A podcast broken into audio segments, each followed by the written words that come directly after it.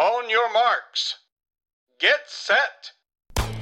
Välkommen till Maratonlabbet, en podcast om löpning med mig Johan Forsstedt och Erik Olofsson. I det här 141 avsnittet kommer jag att prata om prestationsångest med löparen Jonas Glans och psykoterapeuten Carolina Lundqvist.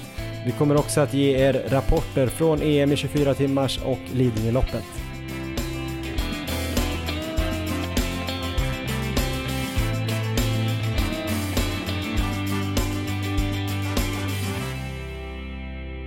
Ja, då var det alltså dags för avsnitt 141 av Maratonlabbet och idag ska vi fokusera på prestationsångest. Vi har två fina gäster i nyblivna EM-10 på 5000 meter, Jonas Glans och psykologen och forskaren Carolina Lundqvist. Vi kommer också senare i avsnittet berätta om våra senaste tävlingar, EM i 24 timmars. För din del Erik Olofsson, du är där va? Jag är här. Och eh, Lidingöloppet för mig, det gick ju tyvärr inte så bra som vi hade hoppats för någon av oss och vi försöker faktiskt inte gömma undan det långt bak i avsnittet. Även om det kanske kommer kännas så, utan det är, vi tycker att ämnet och gästerna vi har idag förtjänar att komma först. Så våra race reports dyker upp om, ja, lite drygt en timme skulle jag tro. Eh, minst. Det blir ett långt avsnitt idag, Erik, och du kommer eh, testa dig på att byta röst mitt under avsnittet för vi spelade faktiskt in race reportsen häromdagen av praktiska skäl och den första delen nu och nu har du dragit på dig någonting i halsen.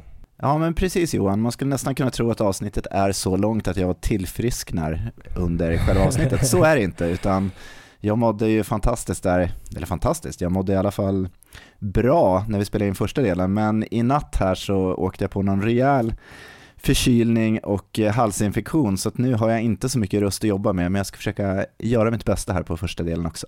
Ja, men vi drar igång nu tycker jag och börjar alltså att prata om prestationsångest, eh, något som vi har märkt att eh, många löpare verkar påverkas av.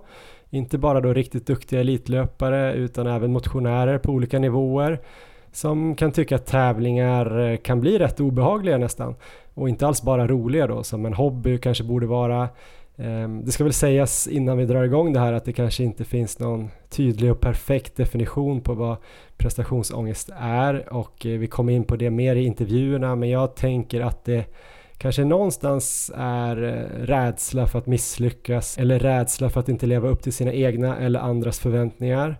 Och att kanske en stark nervositet eh, som kanske kan vara positivt går över till något annat ännu starkare som påverkar prestationen negativt. Man kanske blir illamående, man kanske har sömnproblem inför.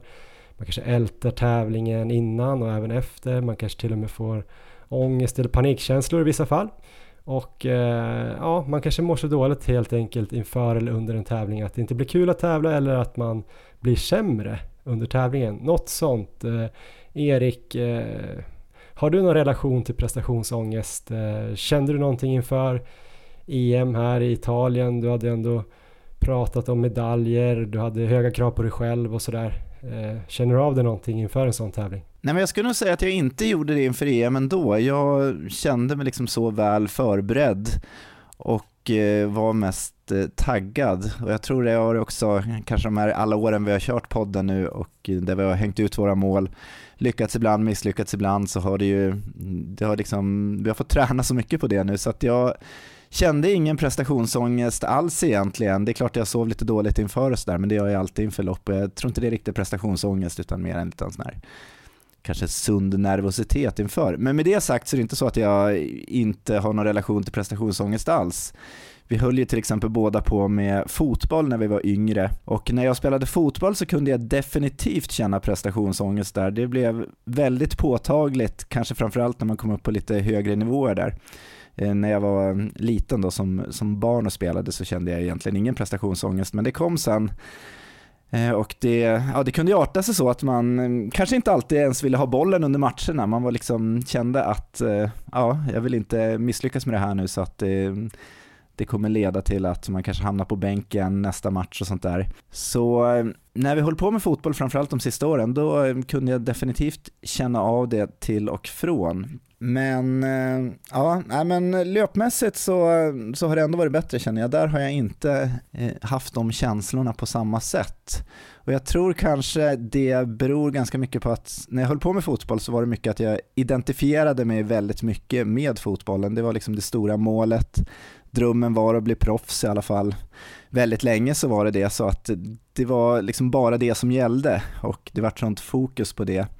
Så att jag tror just att jag inte hade så mycket andra saker kanske som jag identifierade mig med gjorde att eh, den blev, den blev påtaglig helt enkelt. Själv då Johan, hur har din relation till prestationsångest varit?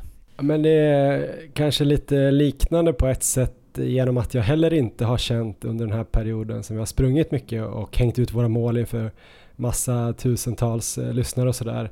Eh, så jag har inte känt av någon prestationsångest inför våra lopp eller så där ändå av någon anledning. Alltså jag menar vi är ju inte på den nivån att eh, det spelar så stor roll egentligen vad vi gör men man lägger ju mycket tid och sådär och sätter krav på sig själv och tränar länge och sköter sig med kost och, och sömn så gott det går. Och, ja, som sagt, många vet ju om vad vi, när vi tävlar och exakt vad vi vill göra på de här tävlingarna. Så det skulle ju kunna bli en stor grej. Och det har väl blivit en stor grej några lopp, alltså typ Frankfurt.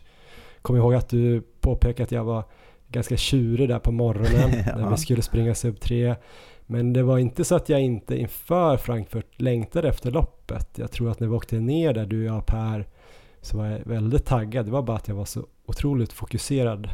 Att det blev lite ödesmättat där på morgonen och orkade inte med den där peppiga känslan. Men jag tror inte att jag inte ville starta loppet så att säga. Jag var väldigt taggad på uppgiften. Så att där har jag inte heller känt det. Möjligtvis också att jag har känt det i perioder när man haft lite sämre självförtroende inom fotbollen. Eh, som du säger där, att man kanske ställer sig lite i passningsskugga eller inte vågar göra den där sista dribblingen som man annars gjorde. Men där tyckte jag ändå att det var lättare att slappna av när väl matchen började i alla fall. Och jag kommer inte ihåg att jag var så nervig ofta inför matcherna dagen innan och sådär utan där var det mer att man gick in och tog en tackling i början och sen släppte ja. det typ så um, men uh, jag har väl under perioder, eller i alla fall under vissa uppdrag haft en del prestationsångest eller något som i alla fall liknar prestationsångest kopplat till mitt jobb som sportjournalist. Uh, kanske länge sett fram emot ett stort mästerskap som jag ska åka på, ett OS eller så. Eh, tänkte att eh, fan vilken lyx att få åka och jobba på ett OS och sen kanske en vecka innan eller några dagar innan så började jag känna så väldigt stark nervositet som gör att jag kanske drömmer om att jag eh, missar en intervju eller tappar bort min kamera, så jag sover sämre, vaknar tidigt har jag gjort ibland, i, även när jag varit ute på jobb och sådär, att jag vaknar långt innan väckarklockan och sådär. Och att jag är lite så nervös på ett sätt som gör att, ja men lite illamående på morgonen, inte haft någon riktig aptit till frukost, vilket är väldigt olikt mig och sådär. Det har väl antagligen främst varit kopplat till uh, förväntningar som jag tror då att kanske uppdragsgivaren har på mig. Inte ja. så mycket att jag ska synas kanske för massa hundratusentals uh, människor på TV4 eller SVT eller så, för det tycker jag känns abstrakt på något sätt. Uh, utan mer då kanske att folk som har skickat ut mig och betalar mig och förväntar mig att jag ska komma hem med någon jättebra intervju från någon stor stjärna och sådär. Att, att jag liksom ska missa det på något sätt eller att det inte ska bli bra eller att jag har glömt att sätta på ljudet eller något sånt där. Eh, och att det är ganska svårt att ha kontroll tror jag också under mästerskap. Att det också stör mig lite att man inte riktigt vet. Eh, man kanske ska få träffa en stjärna eh, klockan tio och plötsligt blir det framskjutet eh, och då krockar det med något annat och man får liksom man får vara väldigt flexibel och sådär och ibland inför kan jag tycka det är lite jobbigt. Eh, så istället då kanske för att kunna njuta av att åka iväg på ett sånt här mästerskap och tänka att jag har ett väldigt roligt jobb och bara försöka komma in i den rytmen så jag kanske kunde ha lagt mycket tid och energi på att eh, ja, men undermedvetet eller medvetet oroa mig för att det inte ska gå bra. Eh, men sen har det liksom alltid gått bra i princip. Det har aldrig hänt någon katastrof och när jag kommit in några dagar i ett sånt här mästerskap brukar jag känna mig mer hemma. Man brukar börja lära känna andra journalister, man lär känna pressesen, någon i det här laget man bevakar är supertrevlig och så börjar man ha roligt liksom mitt i eller på slutet när man ska börja åka hem och tänker att man vill, vill köra eh, ett handbolls-VM till eller vad det nu kan vara.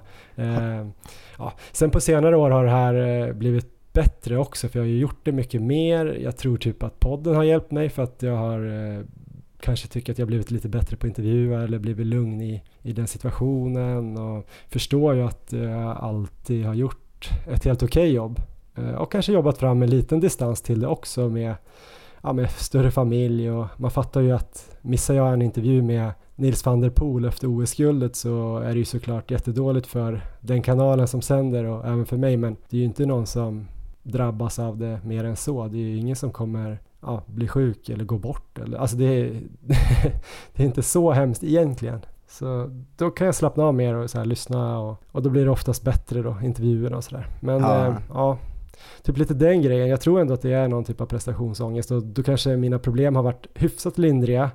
Men det har ändå stört mig att jag inte kan då glädjas på samma sätt som jag skulle ha velat göra då.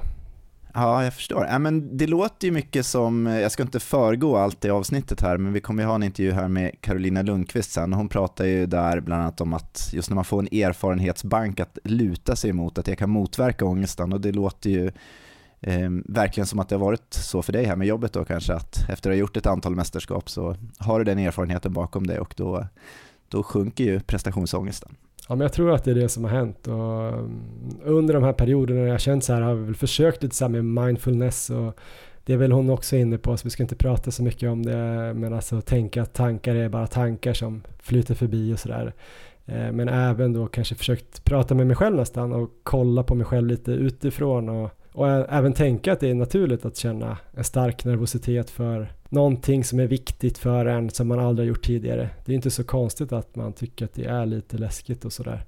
Eh, och så också tänkt lite grann på vad jag skulle ha sagt till en kollega i samma situation om någon skulle börja prata med mig att ja, jag ska åka på OS, jag är så jäkla nervös, jag mår dåligt så på morgonen. Då skulle man ju ändå säga så här, men det är lugnt, det kommer ju gå jättebra och ingen kommer ju bli förbannad om du inte skickar hem den bästa intervjun och sådär. För så är det ju verkligen. Man gör ju ibland bra grejer och ibland halvbra grejer. Och så får man hoppas att man inte gör katastrofgrejer. Men eh, där har jag nog ändå känt av det lite grann och det är ju inte alls kul så att det är tråkigt om någon ska behöva känna så inför löpningen, speciellt då kanske om man inte har det som yrke då, eller vad man ska säga, om det nu är någon som har det i Sverige som yrke 100%. Men eh, ja, det ska ju vara kul att, att springa tänker jag. Ja, men precis, och det är väl målet här med det här avsnittet att för er som har prestationsångest ska vi förhoppningsvis hitta lite metoder som ska kunna hjälpa för att minska den. För att det handlar väl inte om att vi ska bota prestationsångest, utan det går väl inte, utan hur man då lär sig leva med den helt enkelt och hantera den på bästa sätt. Så där tror jag vi kommer få väldigt många bra tips här. Yes, så innan vi drar igång eh, den första intervjun då som kommer vara med eh, superlöparen då Jonas Glans så ska vi också eh, skicka en hälsning från vår samarbetspartner eh, Löplabbet. Eh, Löplabbet som ju har varit med oss en längre tid och som är Sveriges eh, bästa och största butikskedja för löpning. Finns ju på åtta ställen i Sverige och så finns det också löplabbet.se då och där kan man gå in och kolla nu för nu börjar det komma in så här mycket kläder och prylar som funkar bra i höstmörkret. Eh, det är den tiden på året nu, tyvärr Erik, och snart ställer vi väl om till eh, vintertid och då blir det väl ännu mörkare på kvällen eh, om jag kommer ihåg det rätt. Alltid så irriterad på vintertid att man blir typ mörk klockan tre. Vissa ställen i Sverige ska vi inte glömma bort heller. Där kan det vara mörkt dygnet runt. Och då är det väldigt viktigt här då med pannlampor kanske om man ska ut och springa. Då har de en lampa från Silva som är på väg in som har hela 10 000 lumen. Det här med lumen är ju också väldigt abstrakt Erik, men 10 000 lumen är jättemycket och man kommer säkert kunna lysa upp en hel eh, norrbottnisk skog med en sån där lampa. Eh, inga älgar kommer våga springa i närheten av dig. Eh, det finns även då kläder från New Balance, Saucony On bland annat som är reflekterande. Så om man springer i en sån där skog och är rädd att bli översprungen av någon med en sån här silverlampa så kommer man ju synas. Eh, och då kan man ju kanske akta sig för den här personen som springer med silverlampan. Eller vad tänker du Erik? Ja, men det låter ju fantastiskt. Jag tror det funkar även bra i stadsmiljö med bilar och så. Det är jättebra med reflexer och sådana saker. Vi har ju växt upp nu, vi är båda 40 plus och fattar att reflexer är jätteviktigt. Vi har barn som måste ha reflexer som kanske snart om fem år för din del då kanske och 8-9 år kanske inte vill ha reflexer för de tycker att det är tuntigt. Men det är inte tuntigt, det är jätteviktigt. Bra sagt. Vi har också ett meddelande från eh, Flowlife, det här svenska företaget som gör mycket jättebra återhämtningsprodukter. Vi snackar ju ofta om Flow Pillow Heat som vi gillar och så har de ju också inte mindre än tre massagepistoler som vi tycker är jättebra. Det är Flowgun Pro, Flowgun Go och Flowgun Pocket. Men vet du vad Erik? Berätta. Flowlife är tillbaka som samarbetspartner till oss och de är här med en ny massagepistol. All right. Kul. Det är jättekul. Och om de nu ska lansera en fjärde massagepistol så måste den ju vara otroligt bra. Den kommer heta Flowlife One och den här kommer släppas nu i oktober. Det kommer vara ett event här på lördag vet jag. Eh, jag tror inte att det är öppet för allmänheten men efter det eller under lördagen lär det väl komma ut mycket mer information om den här Flowlife One. Ehm, så att eh, jag är väldigt nyfiken på, eh, på vad den här massagepistolen kommer kunna göra. Och om man går in på flowlife.com så kommer man säkert kunna läsa mer om Flowgun One snart. Men man kan också redan nu då gå in och kolla på deras höstdeals. Eh, de har en massa rabatterade varor där man kan bland annat köpa Flowgun Go billigt då. Kanske för att den här nya kommer. Men man kan också köpa då Flowpillow Heat och eh, andra pistoler och eh, den här fotmassagen och Flow Pression. Ja men de har jättemycket grejer där. Gå in och kolla på flowlife.com. Ja men då ska vi gå vidare med vårt ämne då, prestationsångest. Eh, vi ska börja med en intervju med en av Sveriges bästa löpare. Han har ju kallats eh, en av Sveriges största talanger kanske genom tiderna. Så han har ju mycket att leva upp till den här killen. Eh, Jonas Glans heter han. Han hade en jättebra sommar och sprang ju EM för Sverige. Han har under egentligen hela sin karriär lidit av någon typ av prestationsångest och mer om det ska ni få höra alldeles strax.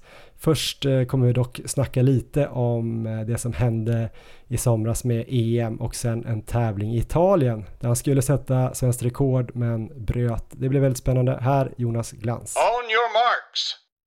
Get set.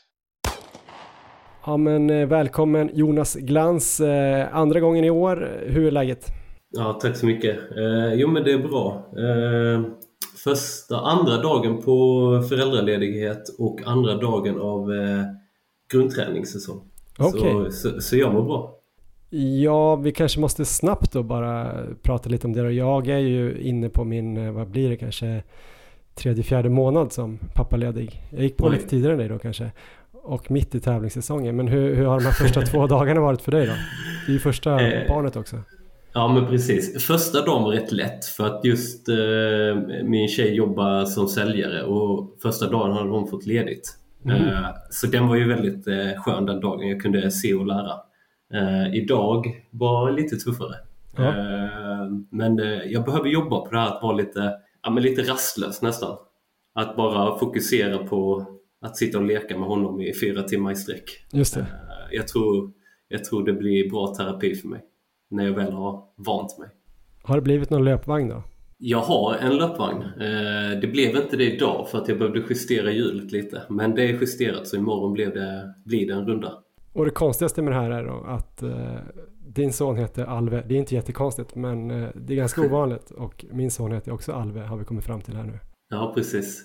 Jättefint. Jättefint och typ lika gamla. Men vi ska inte prata om det här i den här podden. Vi ska prata lite senare om prestationsångest är tanken men eh, vi måste bara catcha upp lite här eftersom det hänt mycket saker för dig i sommar. Vi hade ju med dig i mars eh, ett jättepopulärt avsnitt som var mycket givande på många sätt. Alla kör nu assault bike och sånt här kurvat löpband i Löpar-Sverige. Nej men eh, det har hänt mycket efter det och eh, du har bland annat persat i sommar här på 3000 meter och så kvalar du in till EM på 5000 efter det där imponerande loppet i Söderhamn. Där du sprang ja. då på 13.20 var det va? Någonting på 20, jag vet inte exakt. Men Sänkte ja. ditt PB med 15 sekunder där. Ja, det, ja precis, från loppet innan ja. Ja, och ja. innan dess hade du ännu sämre PB. Så att eh, du har tagit ett stort ja. kliv på 5000 eller i alla fall justerat den där tiden som, som du var lite besviken på tidigare. Ja, precis.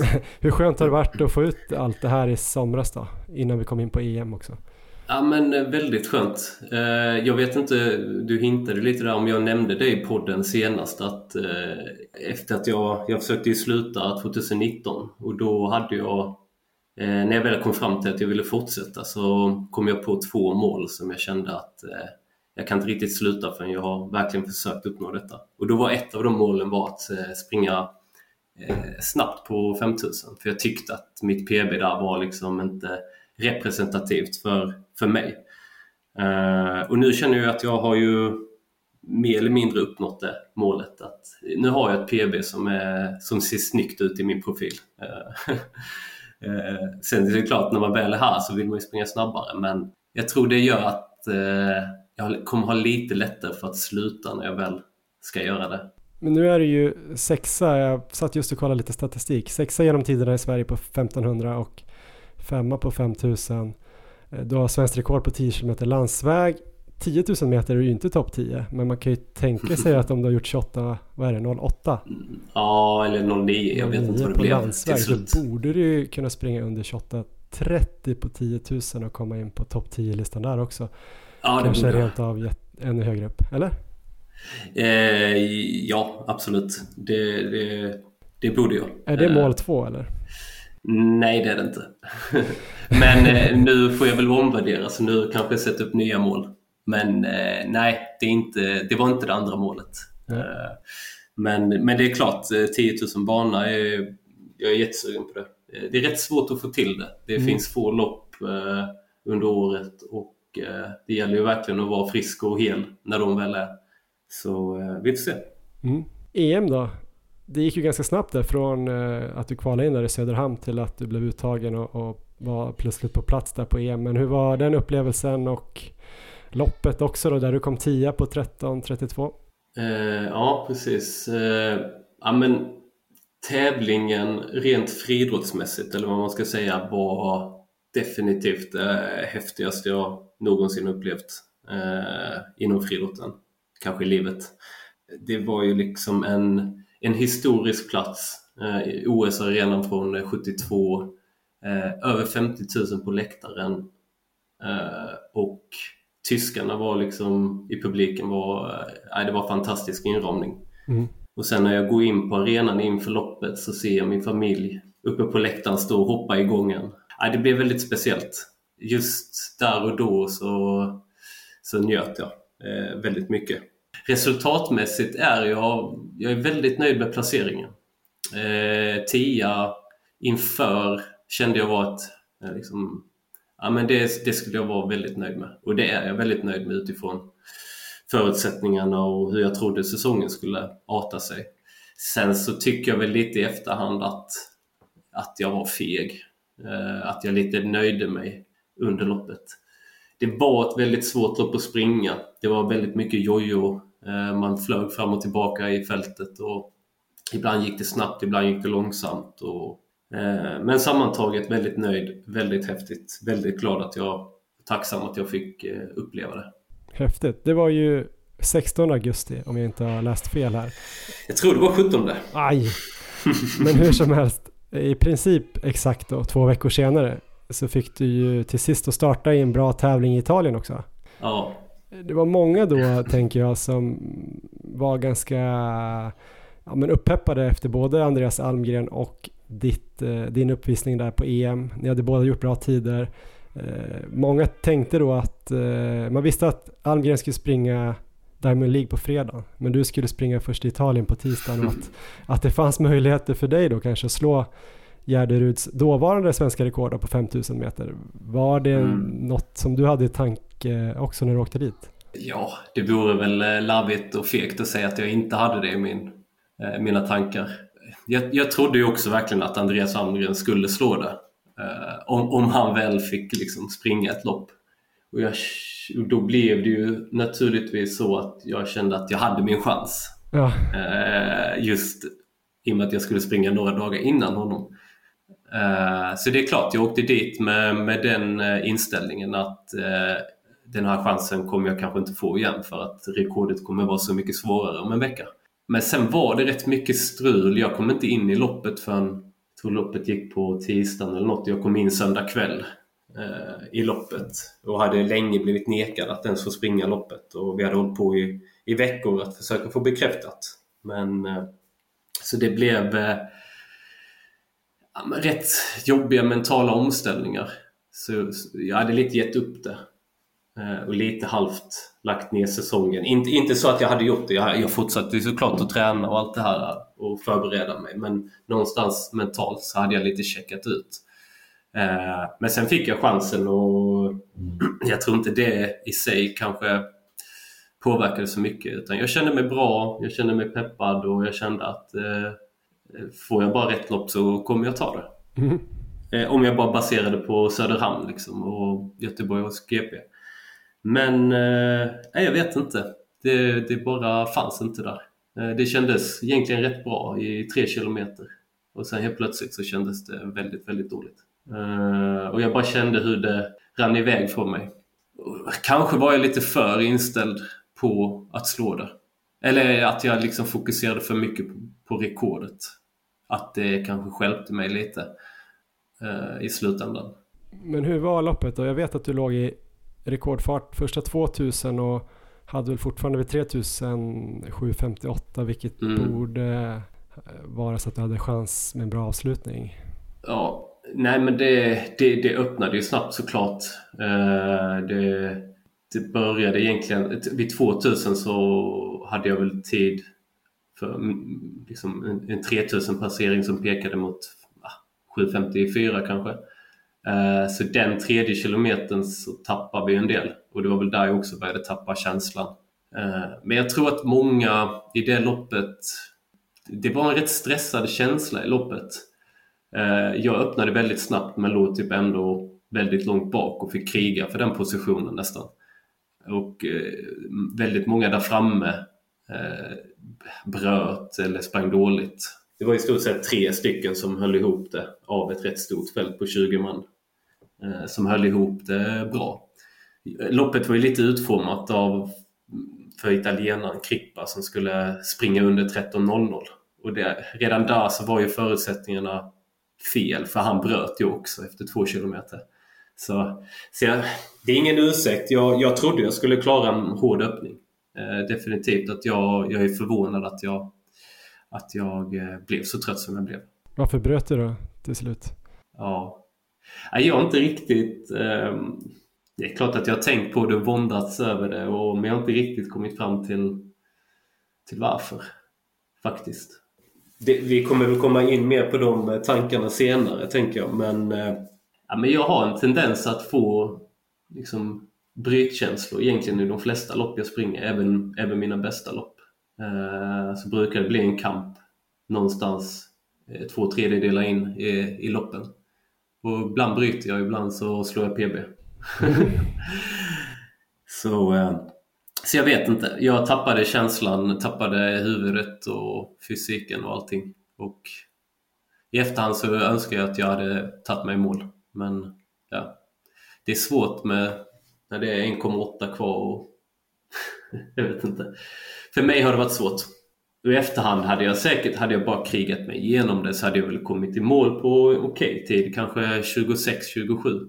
Och det, det hade inte varit fy skam. Uh, och lite rankingpoäng på det. Så, så jag är besviken att jag, att jag bröt. Det är jag. När vi pratade i våras där, avsnitt 127 då som sagt, om jag inte sa det tidigare. Efter intervjun kom vi in på prestationsångest lite grann när vi hade slutat spela in. Mm. Och att du hade haft problem med det. På vilket sätt har det uttryckt sig? Eh, jag skulle inte... Det, det, är också, först och främst är det väldigt svårt att... Eh, så vad är definitionen av prestationsångest och ja. liksom, vilka problem kan man liksom sätta in i den kategorin? Men för min del har det väl mest egentligen utspelat sig dagarna och veckorna innan en tävling. Mm.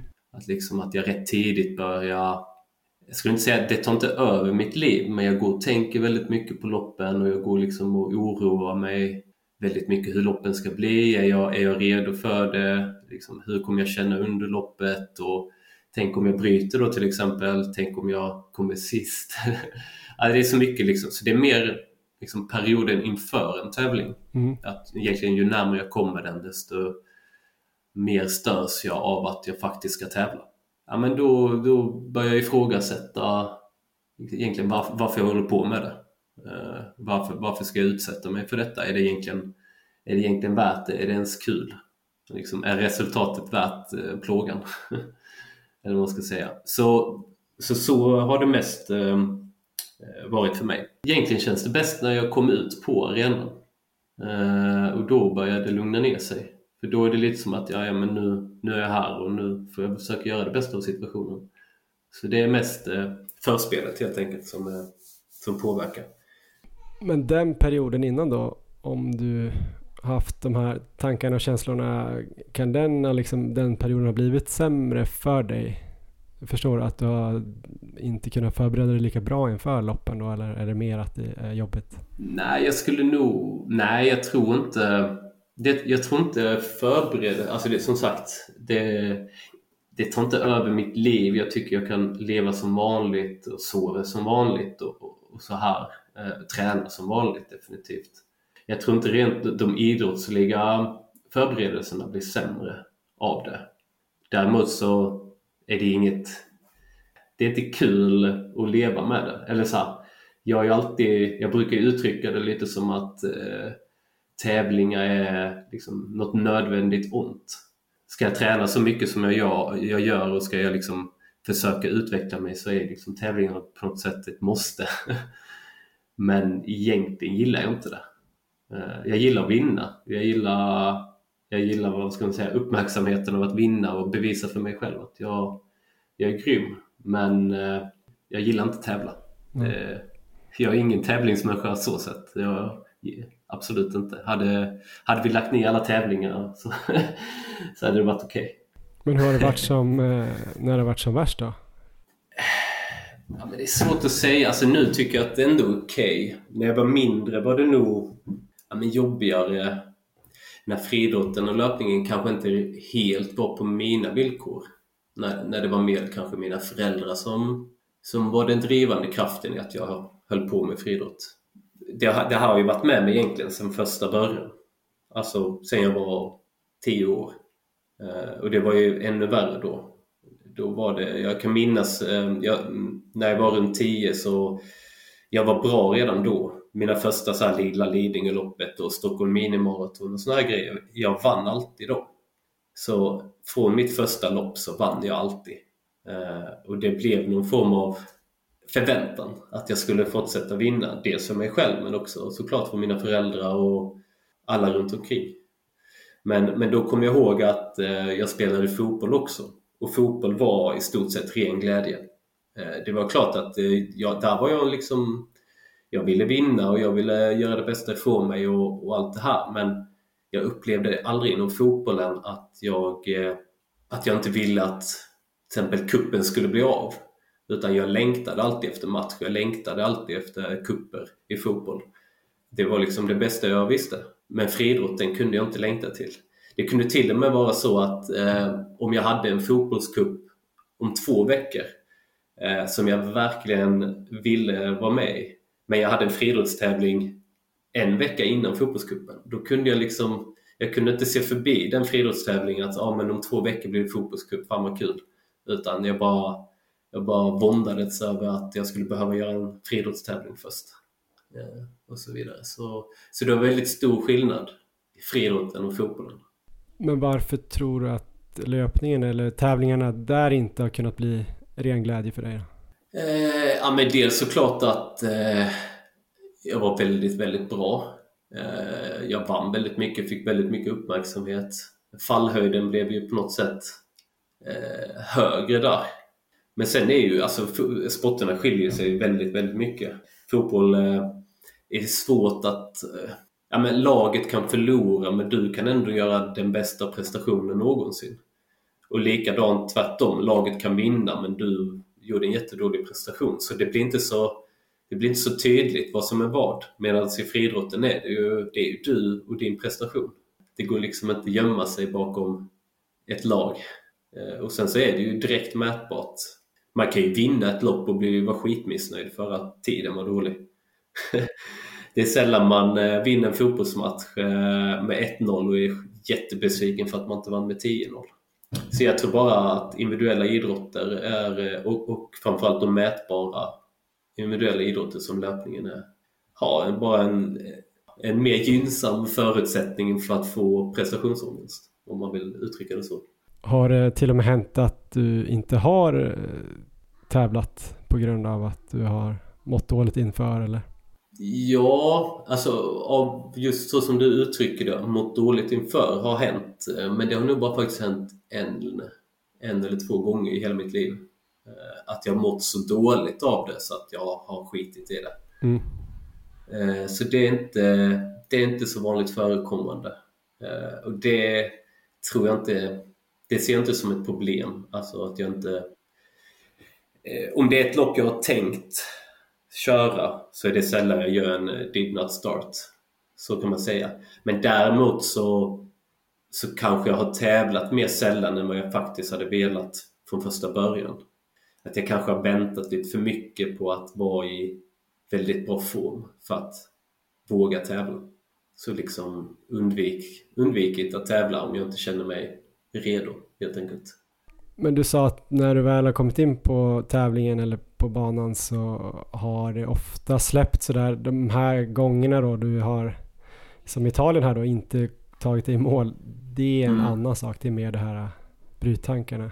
Eller är det ihopkopplat på något sätt? Ja, men det var därför jag sa det från början att det är väldigt svårt att veta egentligen vad som är, som är vad. Eh, om man kan härleda en did not finish till, till prestationsångest. Jag vet inte det, det går säkert. Det är, ingen, alltså, det är väl ingen koppling jag själv har liksom rätt ut redigt. För där är det ju lite så att om man är rädd för att misslyckas så, så är det ju inte riktigt bättre med en DNF än att ta sig mål dåligt. Men däremot så blir det väl lite, det blir, det blir lite som att eh, man, är, man är lite feg för att eh, inse verkligheten, att man inte är bättre. Och då tar man en utväg att inte gå i mål för då får man inget resultat. Eh, så det, visst, det går kanske att koppla ihop till prestationsångest. Men det är inte så jag riktigt känner min prestationsångest utan det är mer den här inför tävlingen. Men absolut, det, det, det, det finns ett problem med att ta, ta tag i. eh, hur har du tagit tag i det här problemet då? Hur har du kunnat jobba med de här sakerna? Ja, men prestationsångesten, om vi då håller oss till den som jag menar, jag menar är från början, inför. Jag har nog inte aktivt jobbat med den på något sätt, tyvärr. Men jag har nog aldrig heller in, tyckt att, att det är tillräckligt jobbigt. Alltså så här, det har ändå funkat mitt liv. Jag, det finns nog de som har det betydligt värre än vad jag eh, vad gäller den typen. Men däremot så när jag funderade lite inför på om jag har gjort något så är det väl kanske lite mer så här eh, indirekta saker. Lite mer så här att man liksom hittar andra saker i livet eh, som gör att jag känner att om jag nu eventuellt misslyckas eh, och så vidare så, så har jag annat i livet. Så du passar på att skaffa barn? Ja, men, ja, men alltså det, det, jag hade väl gjort det ändå. Men, men, men, men lite sådana saker. Liksom så att man kanske jag har väldigt sällan vad ska man säga, dedikerat mig 100% till löpningen. Utan jag har alltid känt att jag vill ha andra saker som pågår parallellt lite för att fallhöjden ska bli lite mindre. Jag har aldrig riktigt vågat satsa 100% just av anledning att eh, jag är för rädd för att för det misslyckandet liksom att eh, det ska kännas för påtagligt ja, men så här, fokuserat på andra saker i livet. Familjen, eh, min tjej, numera mitt barn, mitt jobb, eh, min utbildning. Sådana saker. Eh, just för att liksom avdramatisera prestationen lite. Alltså prestationens betydelse för mitt, eh, min självkänsla och min bild av vem jag är. Jag vet inte hur aktiv du var på eh, sociala medier tidigare men du slutade ju instagramma och sådär. Eller, mm. Jag vet att du inte tittar så mycket på andra heller där, vad jag vet, eller vad jag förstår. Ha, är mm. det någon följd av det här eller är det mer att spara tid? nej, nej, det är inte för att spara tid. Eller, nej, ursprungligen att jag slutade, att jag tog bort, eller slutade uppdatera på min Instagram och så vidare. Det var helt klart eh, för, det, för välmåendet eh, från, från idrotten. Mm. Eh, helt klart. Mest att jag kände att jag kände väl att jag inte kunde leva upp till eh, de resultaten som jag på något sätt utgav mig för att eh, vilja göra. Om man har en sponsor eller något till exempel så är det ju väldigt så här, man måste visa sig, eh, man måste visa att det går bra, eh, man måste uppdatera sina resultat och så vidare. Men jag, jag var ju borta så mycket, gjorde, försvann och så, hit och dit och kände att, eh, kände att jag inte riktigt kunde leva upp till den bilden. Eh, men sen så var det framförallt också när det blir mer negativa liksom, resultat, man ska kalla det skador och sånt eh, jämfört med positiva, då pallar man liksom inte pallar man inte med. Och jag känner någonstans, ska man, ska man uppdatera varje gång det går bra, då får man ju någonstans uppdatera när det går dåligt också. Mm. Eh, så kände jag i alla fall. Alla får göra precis som de vill. Så jag, eh, jag kunde inte liksom hantera det så jag valde att gå ur. Och det kan jag känna idag att det är jävligt skönt. Typ som, typ som nu med Rovereto i Italien när jag bröt. Att jag behöver liksom inte förklara för någon varför, varför jag bröt. Uh, liksom, det är alltså, ingen, nu fick du i och för sig det. Men, men det var ja, nej, men, ja men liksom det här, nu, det här gick jag med på. Men liksom det här känslan av att man måste lite be om, be om ursäkt. Eller inte be om ursäkt men snarare så här komma med en uppdatering så här sex timmar efter loppet. Mm. Gick, inte som det, gick inte som jag hade tänkt. Eh, eh, liksom så här eh, bla bla bla ursäkt, bla bla bla ursäkt. Eh, men nästa lopp då jävlar. Jag kände att jag ville inte hålla på sådär och, och förklara mig. Och, och ha, är man aktiv på Instagram liksom, då, då, och man lägger upp liksom, nummerlappen på bild innan ett lopp. Liksom att så här, ikväll är det dags, titta TV den här tiden då kan jag tycka det känns lite konstigt efter loppet om man inte ger en update. Och det kände jag att jag inte ville. Så det var egentligen den största anledningen att jag, jag gick ur. Men, men, men som du var inne på också, att jag gillade heller inte att liksom varje dag se vad andra tränare. Få någon form av eh, mental dipp för att se hur alla andra tränar väldigt bra. Men det här med prestationsångesten, kan du till och med känna av det inför hårdare träningspass eller är det just tävlingarna som, eh, som strular till det? Jag vet ju att du inte kör så många så specifika diagnostiska pass i din uppbyggnad och sådär att du brukar säga att du inte riktigt vet vart du står. Ja, precis. Mer än att du kanske känner att du är bra eller dålig form men inte riktigt hur bra. Ja, eh, ja jag kan absolut känna det. Eh, förr, typ, eh, eller så här, från 11 år tillbaka till kanske 3 år tillbaka. Eh, så liksom den perioden där, eh, typ 2010 till eh, 2020 där omkring säger vi. Då körde jag egentligen varje lördag ett väldigt, väldigt tufft pass. I princip året runt. Vi åkte alltid ut 20 minuter från Malmö till närmsta backarna som fanns i bokskogen och körde ett stenhårt pass brukade eh, säga att det, det kändes som att köra terräng-SM varje helg. Nästan året runt. Dels för att det var ett tufft pass men också känslan inför att vi visste att det skulle bli väldigt tufft. Eh, man skulle vara så trött man kunde bli och, och då, då absolut så hade jag de känslorna också. Perioden var ju inte lika lång för det var inte så många som skulle få reda på hur dåligt eller bra passet gick. Men men absolut att en fredag kunde man ju aldrig riktigt njuta av. Eh, en fredagkväll. För att man visste att man skulle upp eh, på morgonen varje lördag och göra det. Men eh, det är en kortvarig oroande känsla. Så här, ska man klara passet imorgon? Mm. Liksom? Eller ska man behöva se splitsen och bli besviken? Men det, var inte, det blev inte så att jag bröt eller jag ställde in sådana pass just av den anledningen. Men absolut så så var det något som, som inte var så kul med att träna. Eh, och jag kör inte så längre, eh, så stenhårt på så utvalda pass eh, så ofta. Det är klart att jag gör det ibland, men inte varje vecka, året runt.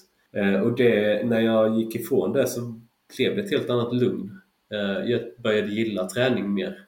Så visst, stenhårda pass, kanske jättebra, men någon form av mental hållbarhet är också väldigt, väldigt bra. Så de kanske tar ut varandra. Jag har förstått att det är ganska många löpare ändå som eh, lider av någon typ av prestationsångest eller mm. oro inför tävlingar på olika nivåer. Både högsta eliten då har man ju haft sett flera exempel de sista åren bara som har kommit ut och pratat om det, men även Mm. bland liksom löpare på, på min nivå och kanske till och med lägre, att det är många som ändå lägger mycket tid och ja, men har en hel del av sin identitet kanske i löpningen. Och det Mm. blir väldigt tydligt med det här att man ofta drivs mot en viss tid och så är det antingen då eh, ett lyckat lopp eller ett, ett misslyckat lopp beroende på vad Mm. man får för tid.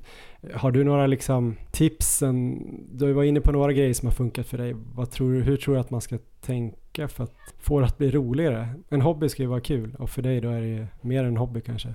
Ja, det, alltså jag, tycker, jag tycker det är väldigt svårt och det är... Eh, alltså jag har ju också... Jag har inte heller hittat någon jätte, jättebra väg fram och jag funderar nu också liksom hur, hur jag ska liksom komma rätta mer till det. Så jag skulle inte säga att jag har så mycket tips som jag vet fungerar. Jag tror det enda jag gör i stunden, eller vad man ska säga, det är när jag väl tävlar. Alltså något som jag verkligen tvingar mig själv att göra. Och det är ju när jag kommer in på en arena att, eh, att verkligen så här gå runt och titta upp mot publiken, försöka så här söka ögonkontakt med publik eh, och le mot dem och liksom skratta lite. Alltså det här att intala sig själv att det här är kul, jag har valt det här själv och jag har valt det för att jag tycker det är så jävla roligt. Man kan se så här höjdhoppare som står och fejkler massa liksom eh, innan ansatsen och så här eh, skrattar massa för sig själv och så här. Det ser, det ser egentligen rätt sjukt ut. Men, eh, men jag tror också det är någon sån strategi. Liksom att på något sätt intala sig att det här, det här är det roligaste jag vet. Även om där och då jag inte tycker det. Men det, det har faktiskt hjälpt. Just om man känner just i den situationen att det, det är jobbigt. Eh, men annars så...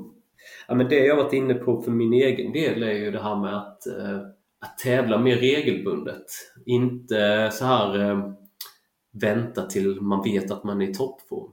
Eh, utan faktiskt så här medvetet tävla när man är rätt dålig. Liksom, kanske rätt tidigt när man kommer tillbaka från en skada eller någon längre sjukdom eller något. Alltså när man vet att nu är jag kass. Men man ska heller liksom inte gå runt och ha det som en ursäkt utan man ska gå in med inställningen att man ska göra sitt bästa. Och går det dåligt så ska man se det mer som en kanske någon form av mental träning. Så det är någonting jag själv eh, funderar mycket på och vill applicera. Sen så har jag haft problem med skador så det har varit svårt att, att faktiskt applicera den taktiken. Men är jag hel så kommer jag nog försöka göra det mer. Och likadant har jag funderat på så här, när man väl tävlar om man ska ha vissa lopp där man medvetet Detta kanske är mer en strategi för att eh, undvika att bryta och så vidare men eh, så här, jag har funderat på det om man medvetet ska ha i, i vissa oviktiga lopp en strategi att gå in i väggen. men ändå ta sig i mål eh, på bästa sätt. Så att man vet att ja, men, eh, efter tre kilometer kommer jag gå in i väggen för att jag kommer öppna så hårt och det ska jag också göra. Och sen ska jag ta mig i mål bästa förmåga, sen får vi se vad det blir. Men att det kanske man också ska göra då inför publik och så vidare. så det, det är mer tankar jag själv har på hur jag ska eh, försöka komma underfund med det här. Ja, men det kan ju vara en strategi för att sen komma i mål då och känna att man ändå överlevde det. För det är väl Ja, någonstans ja men precis. Och det, att det precis inte var det, så farligt mer än att kanske någon pekade och sa Nej men precis. Det, det är viktigt att poängtera det för jag vet att jag hade det här samtalet med några av de andra löparna på EM som också har de här känslorna, alltså prestationsångest. Alltså, jag skulle säga att alla mer eller mindre har det. Och då, då pratade de om det, men hur, hur ofta är det faktiskt man mår så dåligt efter? Alltså mentalt. Det är klart, vissa gör det och jag ska absolut inte säga att inte folk kan må dåligt eh, och ifrågasätta sin personlighet och allting. Det finns absolut de som gör det, men majoriteten mår nog inte så jävla dåligt efter en dålig prestation. Utan man går vidare. Det får man försöka ta med sig. Mm, man mår sämre innan. Ja, lite så faktiskt. Alltså, för min del brukar det ändå vara så här. Även om jag gör ett skitdåligt lopp så är det alltid skönt att korsa mållinjen. Det är över. Liksom. Så, så, så jag, jag mår oftast bra ändå efter. Så därför är det ju extra retsamt när jag inte korsar mållinjen. För då, då mådde jag aldrig bra efter. Liksom. Sen så tar jag ju hjälp. Jag har tagit till viss del hjälp av idrottspsykolog eh, med olika mentala problem eh, och så vidare. Och eh, kommer nog eh, nu när jag har så mycket tid när jag är föräldraledig så har jag lite planer på att besöka min idrottspsykolog igen och jobba lite på de här bryt, brytkänslorna som, som kommer. Spännande. Ja. Ja, men du ska ha stort tack Jonas för att du öppnade upp dig och pratade lite om det här. Det var väldigt eh, intressant och lärorikt. Säkert många som känner sig träffade också. Och det är skönt att höra att det är fler som eh, ja, lider av det eller vad man ska kalla det. Ja, men som påverkar oss i alla fall. Påverkar. Definitivt. Bättre ord. Ja, men stort tack Jonas och lycka till här framöver och inte minst då med mentala träningen och leken då med Alve också här ja, under hösten. Precis. Den, den är väl kanske lite viktigare, ett större perspektiv. Så. men tack så jättemycket. Tack för att jag fick vara med och eh, lycka till själv. Ja, det där var alltså en öppenhjärtig Jonas Glans får man väl ändå säga. Erik, eh, vad tänkte du kring den här intervjun? Ja, men jag tyckte det var intressant när han pratade om löpning kontra fotboll, för han har ju som upplevt det exakt motsatta då mot eh, så som jag har sett det med de två idrott idrotterna. Och jag funderade på varför, jag antar att det har lite kanske med just det här med vad man identifierar sig som. För just som jag berättade i början då, när jag spelade fotboll så var det allt jag satsade på och identifierade mig som. Och Jonas var ju så otroligt bra väldigt tidigt som löpare. Så det blev väl eh, den saken för honom helt enkelt. Det var där förväntningarna fanns från honom själv och från omgivningen. Men jag tror eh, han är inne på bra saker sen i slutet på intervjun där, att nu när han får lite andra saker att identifiera sig med, då med familj och eh, annat så eh, får vi hoppas att den här ångesten en kanske känt tidigare kommer bli lättare att hantera. Jag tror det. Ja, men det hör man ganska ofta i reportage om idrottare som har fått barn, både pappor och mammor som kanske på något sätt kan få större distans till sin idrott. Liksom att man kan göra en skitdålig match, vara sur på vägen hem och sen går det inte riktigt att vara Aha ledsen när man kommer hem igen och ser, ser andra saker som är viktiga. Det behöver ju inte vara barn, det kan ju vara att man gillar att fiska eller man har ett jättebra jobb då om man är liksom löpare på amatörnivå. Så att det är nog bra att ha flera ägg i sin korg helt enkelt. Ehm, jag tyckte också att två av hans tips där på slutet, även om han bäsade tipsen lite grann, så tyckte jag de var bra. Eh, Dels det här kanske då våga tävla lite grann, inte alltid perfekt. Att man kanske är på väg tillbaka från en skada eller man känner sig lite trött. Det har jag tänkt på lite grann. Jag kanske inte direkt är rädd för att tävla och ibland är det svårt att få in mycket tävlingar planeringsmässigt med, med jobb och, och familj och sådär. Men, men just att jag gärna har ett mål som jag tränar länge, länge till och försöker sätta varenda eh, varenda liksom förberedande pass innan jag väl dyker upp där på, på startlinjen. Kanske att jag ska slänga in några 10 km lopp här i, i min, eh, på min höst här. Vad jag nu ska göra vet jag inte, men, men att man slänger in några lopp här ganska tidigt efter Lidingöloppet. Vi får se. Och sen också det här att, att vara glad på tävlingsdagen och försöka fokusera på allt eh, fint. Det tyckte jag var roligt, att man kanske tänker på gemenskap och löpglädje och andra löpare, naturen om man är ute på någon naturnära bana och dofter och sånt där. Att, att man eh, ska vara tacksam. Ja men verkligen, det är det man har längtat efter egentligen. Ja, vi ska se om vi får mer tips här snart. Vi ska ju prata också med Carolina Lundqvist. Hon är fildoktor i psykologi, filosofiedoktor i psykologi, heter det så? Hon är docent i idrottsvetenskap, legitimerad psykoterapeut. Hon har över 25 års erfarenhet av det här området och de senaste 10 åren har hon jobbat för SOK och hon har hjälpt flera olympier bland andra då Sara Sjöström och hon hjälper oss att eh, reda ut det här ämnet ännu mer. Här kommer Carolina Lundqvist. On your marks. Get set! Ja, men då vill vi eh, presentera och varmt välkomna Carolina Lundqvist. Ehm, hur är läget Carolina? Ja, det är jättebra och jättestort tack för att få komma hit idag. Ja, men det är vi som ska tacka. Eh, vi har ju redan presenterat dig lite grann här då och eh, inser ju att du har en väldigt stark närvaro både i, i den teoretiska biten kring, kring den här frågan eller de här frågorna och även eh, praktiska biten. Hur, hur lägger du själv upp eh, ditt arbete där så att säga? Vad gör du om dagarna höll jag på att säga? Ja, det, det, brukar jag också fundera över ibland. Nej, men jag, jag försöker att, eh, jag, jag, tycker det är viktigt att kombinera de två för att det ena föder det andra lite grann. Eh, och eh, det kan se lite grann olika ut, olika perioder. Just nu så har jag kanske lite mer forskning som jag håller på med inne i projekt som vi driver och eh, lite mindre tillämpning, men det kan gå lite grann upp och ner över tid också. För några år sedan så jobbade jag kanske mer tillämpat än vad jag forskade, så det, det har varierat över tid. Hur länge har du jobbat med idrottare då? För att när man googlar ditt namn så kommer det upp lite träffar på att du har jobbat med Sara Sjöström, Anna Haag, Emil Jönsson bland annat. Hur länge har du, har jobbat med så pass duktiga idrottare?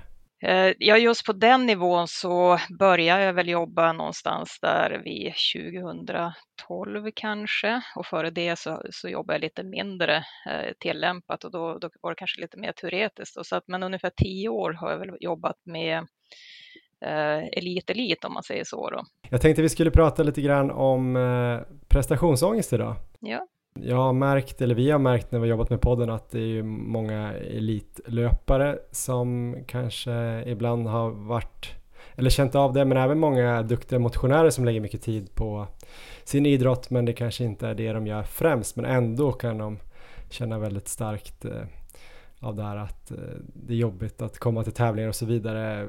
Men först kanske jag tänkte fråga lite grann om det finns någon definition av prestationsångest, så vi vet eh, vad vi pratar om egentligen.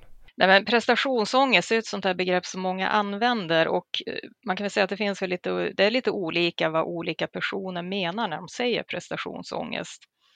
Och eh, i grund och botten tar vi själva ångestbegreppet, om man tar den delen av, av det här så handlar det om att vi får en eh, en överaktivering i vårt så att säga, överlevnadssystem, alltså sympaticus, sympatiska nervsystemet.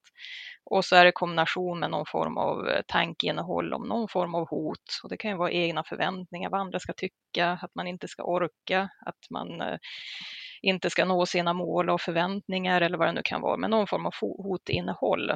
Eh, så att det, det är kanske den vanliga när man tänker någon form av prestationsångest, att man känner den här starka, starka nervositeten och oron inför en prestation. Sen kan det vara också tiden innan att man, drar, att man har en förväntansångest, det är någonting viktigt som kommer där framme som man går och oroar sig för och känner en anspänning i kroppen. Så.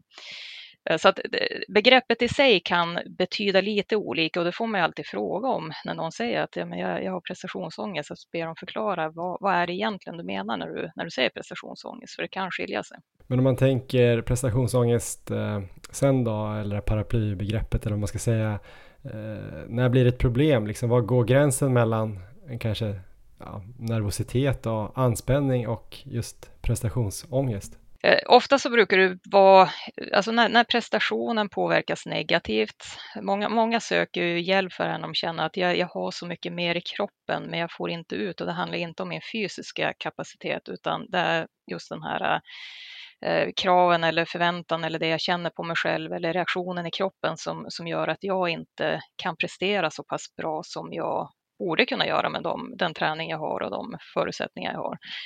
Eh, det, det, är väldigt vanligt att man kommer att man känner att det blir en prestationssänkning om man vill komma över den tröskeln så att säga. Sen kan det ju vara också vissa som naturligtvis mår dåligt, att det här med prestation blir väldigt, väldigt belastande, så man börjar känna att det påverkar min hälsa. Och det kan ju också vara, man vill fortsätta, men, men just det här momentet när det kommer till prestation blir så pass jobbigt så att jag, jag behöver få hjälp av det för att jag mår faktiskt dåligt eh, hälsomässigt. Då. Så det kan vara både det här att man kanske då spänner sig eller inte får ut det man har då, eller man känner att man har fysiskt, men också rent att man typ inte ens vill åka på tävlingen överhuvudtaget och må dåligt ja. länge innan. Ja. ja. Men eh, om vi börjar lite med elitidrottare då i olika sporter då kanske, men hur vanligt upplever du att det är, jag vet inte hur bra bild du har av det, det är en stor fråga, men eh, hur vanligt är det att idrottare har prestationsångest eller liknande kopplat till sin idrott? Jag skulle säga att det är jättevanligt. Om man säger nervositet är ju fantastiskt vanligt och det hör ju till på, på ett sätt att man utsätter sig för tävlingar och så. Och sen skulle jag väl säga att fortfarande så är det, tycker jag att det vanligaste som man kanske möter är just att man söker för den här typen av, eh, av, av saker. Att, att jag, jag känner mig för nervös eller jag känner att jag blockeras när jag ska tävla. Så, så det, är ett, det är ett vanligt område. Det jag kan tycka är lite roligt är att många gånger så kanske inte idrottarna tror att det är så vanligt själva, så de tror att de är lite ensamma i det, men jag möter det här jätte, jättemycket. Men hur brukar det yttra sig? Du var inne på några grejer då, men finns det något konkret exempel som skulle kunna hända? Det är egentligen tre delar man, man eh, kan titta på. Det ena är ju vad som händer i kroppen och det tror jag de flesta brukar känna av när man, när man känner att man blir nervös eller känner en viss press på sig eller lite ångestkänsla över en prestation. Och det brukar man känna i, i form av att man känner sig kanske stel i kroppen eller att man, pulsen går upp på ett konstigt sätt. Man känner sig kanske lite orolig, yrsel kan komma ibland. Men det brukar bli väldigt påtagligt i kroppen. En del börjar känna att man är liksom tung, att man, tekniken sitter inte där riktigt som den ska. Det, kroppen hänger inte med riktigt som den ska. Eh, det andra är ju då tankarna som kommer, att oftast brukar det bli ganska mycket fokus just på på hot eller faror eller katastrofer eller tänk om-tankar och sådana här saker. Och det vet vi är man nervös eller stressad så har vi en tendens att se mer, mer hot runt omkring oss. Eh, och det här har ju att göra med så överlevnadsfunktioner, att vi har ganska snabbt för att, för att registrera olika hot, även om det egentligen kanske inte... När vi är lugna skulle vi inte uppfatta det så, men när vi är stressade så ser vi oftare lite mer hotfulla scenarion. Eh, men sen utifrån kan man ju se det här också och det är ju i form av eh, vad faktiskt den här löparen gör. Och det är ganska vanligt eh, att man lägger sig till med en del sådana här undvikande beteenden, alltså att man, man kanske undviker saker som eh, man borde ha gjort eller sånt som känns läskigt i stunden. Eh, kanske överhuvudtaget, man, man helt plötsligt så känner man att nej, men jag, jag är sjuk så jag ställer in exempelvis, det är ju sån typ av undvikande beteende. Eller också att man lägger sig till med massa eller olika former av eh, ritualer eller saker som man gör i stunden, man brukar kalla det för säkerhetsbeteende, sånt som man gör i stunden för att känna sig lite tryggare det har i sig kanske inte så mycket att göra med prestationen, men det känns lite lugnt och tryggt om jag knyter skosnörena 15 gånger istället för en gång eller ja, den här typen av saker. Eh, så det är, det är den här typen, att ofta så ändrar man sitt beteendemönster på lite olika sätt och det kan man ibland se och tränare brukar vara väldigt duktiga på att se det här på sina adepter till exempel, att här händer det någonting för att man, man gör någonting annorlunda än vad man brukar göra. Men den här eh, problematiken då, vet du om det är lika utbrett i liksom alla idrotter? Och finns det någon skillnad mellan kanske individuella idrottare, lagidrottare? Hur ser det ut egentligen? Det finns några studier, men och det har väl indikerat lite grann kanske att det möjligtvis skulle kunna vara lite vanligare inom individuella idrotter eh, kontra lag. Men jag vågar inte säga att, att jag 100 procent tror på det för att det, någonstans så studierna är lite för dåliga och sen så tror jag att det är större variation inom idrotterna än mellan egentligen. I och med att det har så mycket att göra med hur man uppfattar en situation och vad man har för erfarenheter med sig in i det här. Hur man reagerar på den här typen av stressupplevelser och sådana saker. Eh, samma sak, det finns ju vissa studier som indikerar kanske att kvinnor ska ha lite lättare och sådär. Men igen, det finns så stor in, in, alltså variation mellan både kön och mellan idrotter.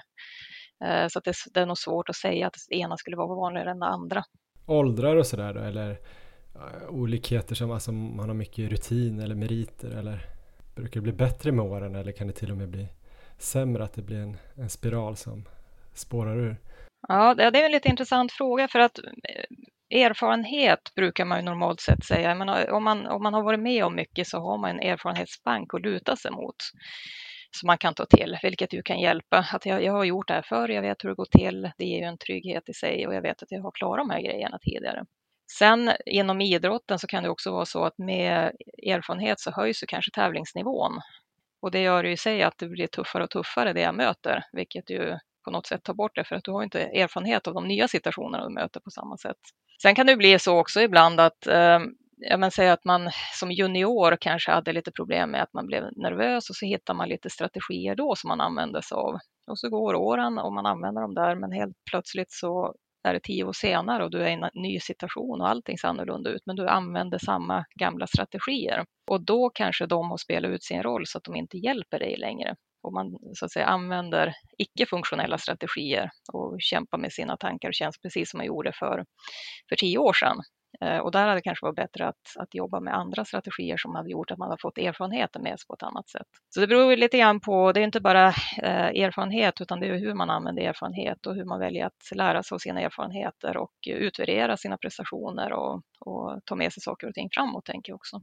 Jag tänkte en annan grej då, jag vet inte om man kan prata om personlighetstyper men finns det någon typ av personer som har lättare att och få prestationsångest. Jag tänker om man kanske har mycket kontrollbehov eller lägre självkänsla eller liknande. Mm, ja, men det, det hänger ihop. Eh, det är klart om du har lite lägre självkänsla bygger kanske mycket av din, din syn på dig själv och kring prestation. Eh, det, det kan ju vara en liten sån risk, eh, riskprofil, vem jag är, är väldigt avhängigt av hur jag presterar och kanske inte finns så mycket grund där bakom att vara någon utan mina prestationer. Eh, så det är ju, och sen neuroticism till exempel vet vi också. Eh, det finns ju vissa sådana här som, som vi vet, men där är vi också, jag tänker också det att vi, vi är olika, precis som vi är olika på utsidan så vi är lite olika på insidan och man vet ju att vissa reagerar snabbare på kroppens signaler, tycker det är mer obehagligt än andra och sådana saker. Vissa har lättare att tolerera eh, grunden, så vi är, ju, vi är ju olika. Men jag brukar tänka det att oavsett startläge så kan man ju alltid förbättra sig. Sen får vi se hur långt vi kan nå med varje person. Så det, är inte, eh, det finns ju alltid möjlighet att jobba med de här bitarna. En stor fråga då, vad kan ligga bakom då att man får prestationsångest? Alltså varför får man det egentligen? Ja, precis som med begreppet, så det kan ju vara, se väldigt olika ut. Eh, för vissa kan det ju vara att man kanske har varit med om någon jobbig situation tillbaka i tiden som satte spår. Eh, så att man har, man har börjat känna att det, det där vill jag inte vara med om igen. Eh, ibland kan det vara sådana enkla saker. Det är alltid bra att titta över enkla saker först och det kan ju vara sådana saker som målsättningar till exempel. Om man har alldeles för högt orealistiska mål eh, så kan ju det i sig driva upp också. Alltså det, det, det är orealistiskt där du är just nu, att du ska kunna nå dit. Vi kanske behöver justera de här lite grann så att det blir mer bättre målsättning för dig att jobba med helt enkelt. Så att det, kan, det kan vara jätteolika saker som, som driver på. Det kan vara andras förväntningar. Man kanske har, är i en miljö där det är höga förväntningar eller man har fått med sig det bakifrån. Eh, så att orsakerna kan ju vara ganska olika till eh, varför man upplever de här kraven. Men brukar det ofta vara liksom yttre krav eller tankar om vad andra ska tycka om en eller är det ofta att man själv är så mån om att komma upp i sin nivå att man får någon typ av Eh, att man slår knut på sig själv på något sätt. Det kan ju vara, det kan ju vara olika. Många gånger så kan jag tycka att det är mycket egna krav, att man vill så mycket. Eh, och framförallt när vi pratar elitnivå så är ju eh, det är ju extremt högt motiverade människor vi har att göra med. Och man vill väldigt mycket och man kämpar för det och man, man har drömmar och man har mål som man vill nå till helt enkelt. Men sen kan det ju komma in naturligtvis sådana, ja, det kan ju komma in sådana faktorer som sponsorer till exempel, att man känner krav från det eller ekonomi och sånt när vi pratar elitnivå. Eh, för att det är mycket, som, mycket kring en satsning, det är mycket som står och hänger kanske med dina prestationer i vissa lägen också, som har med kanske förutsättningar framåt också. Egna andras förväntningar, krav kan ju, kan ju också vara ganska olika saker, men eh, de hänger ju på något sätt många gånger ihop, tänker jag också, i den här miljön. Man har ju satt sig också i en miljö för att man vill väldigt mycket. Har du någon inblick i hur det ser ut med prestationsångest inom just löpningen? Jag tänker att å ena sidan är det inte så många tekniska moment som jag tänker skulle kunna vara jobbiga om man är gymnast eller liknande, att det är mycket som ska stämma. Eh, det är mer att man bara då inom citationstecken ska springa så snabbt man kan. Å andra sidan är det väldigt mycket att prestationen kopplas direkt till en tid eller en placering och det är väldigt lätt att mäta varje del av loppet och så vidare. I alla fall om man springer bana eller platta asfaltslopp. Eh, min fråga var i alla fall hur ser det ut inom löpningen? Vet du något om det? Ja, jag vet ju inte om man säger siffror på hur många som upplever prestationsångest just specifikt inom löpning. Men jag, jag tror att det är ungefär lite grann där också som jag sa tidigare att det är ganska individuellt och tar man de här sakerna som tider och man blir väldigt synlig på en bana så tänker jag också att det har att göra lite grann med hur man, hur man förhåller sig till de här sakerna, kanske snarare än att det finns där. Inom löpning till exempel så blir det väldigt tydligt med det vi brukar prata om prestationsmål och det är sådana tider jag kan se exakt eh, tiden och jag kan se om jag förbättrar mig och så vidare det, det målet i sig behöver inte vara dåligt, men om det blir en press att jag börjar kräva saker av mig och jag måste nå det där och så vidare, då skulle man möjligtvis kunna bli det. Men man kan ju använda det åt andra hållet också, att jag ser min förbättring. Alltså att jag har ett, en, ett mål att nå det där eh, och mål ska ju vara utmanande. Annars så blir det för lätt så kommer vi inte öka våra beteenden eller bli så fokuserade på dem. Så att mål ska ju vara utmanande. Och det är själva funktionen i det, att styra fokus och öka vår ansträngning och sådana saker. Eh, men sen så att använda det konstruktivt. Jag ser att jag har, jag har faktiskt förbättrat mig sen sist eller jag har eh, närmat mig mitt mål. Jag kanske inte nådde ända fram nu, men jag gick ändå framåt eh, och jobbar mer på det sättet. Och då tänker jag hänga ihop också med hur man utvärderar sin prestation efter ett lopp till exempel. För där kan vi välja att, att vara ganska dömande mot oss själva eh, och piska oss själva och tycka att det inte var nog bra. Eller också kan man ju välja att utvärdera ett lopp eh, för att lära sig av det. Och eh, där blir det ofta mer konstruktivt i form av att eh, även om det inte kanske gick som man hade tänkt sig så kan man ju ta med sig vissa saker och tänka att ja, det här behöver jag, nu har jag fått med mig vad jag faktiskt behöver träna vidare på för att det ska gå bättre nästa gång. Och det blir också lite två olika eh, ingångar på det om man säger så. Eh, det ena dömande som vi kanske pressar oss själva eller slår på själva lite grann och det andra blir ett lärande i det som, som gör att vi fokuserar kanske lite mer på utveckling. Klokt. Jag känner mig väldigt dummande efter mitt senaste lopp. Jag knöt också skorna väldigt mycket när jag spelade uh. fotboll förr i tiden. Kan man uh. eh, lida av prestationsångest utan att, att veta om det? Eller vet man om det om man har det? Ja, jag, jag, tror att man, man, eh, man vet nog om det. Alltså, det.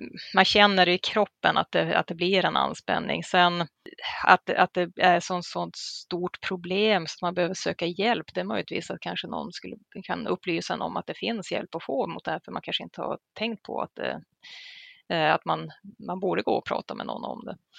Eh, men att man upplever det, det är jag nog ganska säker på, framförallt om man har lite starkare prestationsångest. För att då, då börjar det bli lite jobbigt inför prestationer och man, man kanske går och oroar sig mycket och, och sådana saker. Jag tänkte lite grann om man kollar på elitidrottare och elitlöpare så kan man ju kanske, eller jag kanske kan ha ännu större förståelse att man drabbas av prestationsångest om man liksom håller på med löpning och det, det är den man är på något sätt, att man är löparen.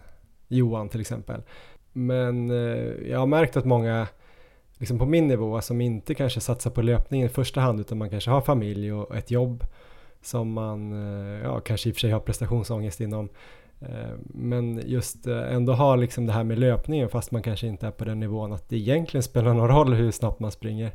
Hur kommer det sig att man ändå får det till löpningen då som kanske är ens tredje eller fjärde prioritet egentligen? Nej, men det, jag, jag, tänker också att det, det, har ju lite grann att göra om vi kopplar tillbaka vem man är som person eller hur, hur vi ska uttrycka det, att vissa är ju mer prestations människor så att säga. Man börjar prestera inom allt. Spelar man eh, kortspel så presterar man, alltså man är lite vinnarskalle. Och det är klart, då kan man ju ta med sig prestationen till egentligen vad som helst som man ägnar sig åt. Sen kan jag väl tänka mig också att, eh, nu leker jag lite grann eller tänker lite fritt så men jag kan ju tänka mig också att om man har lite annat, att det kan ju bli lite prestationsångest också kring att man kanske inte hinner ibland träna så mycket som man hade önskat för att nå de där målen man egentligen skulle vilja nå. Eh, och man har mycket annat och eh, livet kommer emellan och så ska man få in träningen och så har man kanske lite drömmar om att jag skulle vilja vara så här snabb till exempel på den sträckan eller vad det kan vara. Eh, så att, men igen, vilka mål har man? Vad är syftet med att man tränar? Eh, varför gör man det? Eh, hamnar man i prestationsångest är det nog inte bara hälsoskäl utan då har man någon form av prestationstänk ändå med det man gör, även om man är motionär. Att man vill förbättra sig och man, man har det tänket med sig in i det. Finns det saker i livet då eller runt löpningen som kanske kan vara bränsle till prestationsångesten? Alltså jag tänker på att man kanske, det är ganska vanligt inom våra löpkretsar här att man profilerar sin löpning mycket på sociala medier på, på Instagram till exempel eller Strava där man lägger upp sin träning och, och skriver om den eller ja, man använder GPS-klockor som mäter i princip allt och sätter tidsmål och sånt där. Eh, det är liksom, ska man kunna göra det eller är det bättre att ta bort all, all den grejen? Eller förstår du vad jag menar? Det är många som använder sånt och det, det är väl lite grann också hur man förhåller sig till det. Det är klart, alla de här sakerna kan man ju fastna i och bli väldigt insugen i med all statistik man kan få och sådär. Eh, så det kan ju möjligtvis kännas lite stressande och då, då kan det ju vara bra att eh, i alla fall kanske reducera det lite grann om man känner att det mer skapar stress än att det hjälper mig i min träning. Eh, men det, det, vi kommer väl tillbaka egentligen kring det att om, om, sociala medier igen då gör att man börjar jämföra sig väldigt mycket med andra. Om man, sociala medier är lite luriga på det sättet att de flesta lägger väl inte ut de sämsta tiderna misstänker jag, utan man lägger ju ofta ut bra tider eller liksom Eh, när det har gått bra eller eh, man ser ofta en, en väldigt positiv bild av andra på sociala medier. Eh, och det kan ju i sig göra att man får en liten skev bild av, av alla andra och hur bra de är eller hur mycket de tränar. Om man ser något ax eller något hopkok av massa andra människors lyckade träningar, vilket ju kan naturligtvis bli lite stressande för en själv möjligtvis. Så man får ju förhålla sig igen då till sociala medier och statistik och sånt och känner man att man börjar bli lite för insugen i det så skulle jag nog kanske rekommendera att man i alla fall öva sig på att kunna lägga bort det under perioder så att man har valet att använda det eller, eller lägga bort om man känner att man behöver det. Många av de grejerna jag nämnde nu, alltså klocka eller Instagram eller Strava eller, eller vara med i lopp och ha mål. Liksom det ju, kan ju vara kanske någonting som ökar på prestationsångesten tänker jag, men det kan ju också vara hjälpmedel om man mm. använder det på rätt sätt och inte har problem med det. Jag tänker vissa, när jag läste lite om det här inför den här intervjun, har jag märkt liksom ta bort helt det här med tider eller kanske ta bort all sin löpning på Strava eller Instagram. Vad ska man säga, nästan stöcka huvudet i sanden för det de tycker är jobbigt. Är det en bra strategi? Eller ska man liksom försöka ta tag i det och kunna använda sig av det här?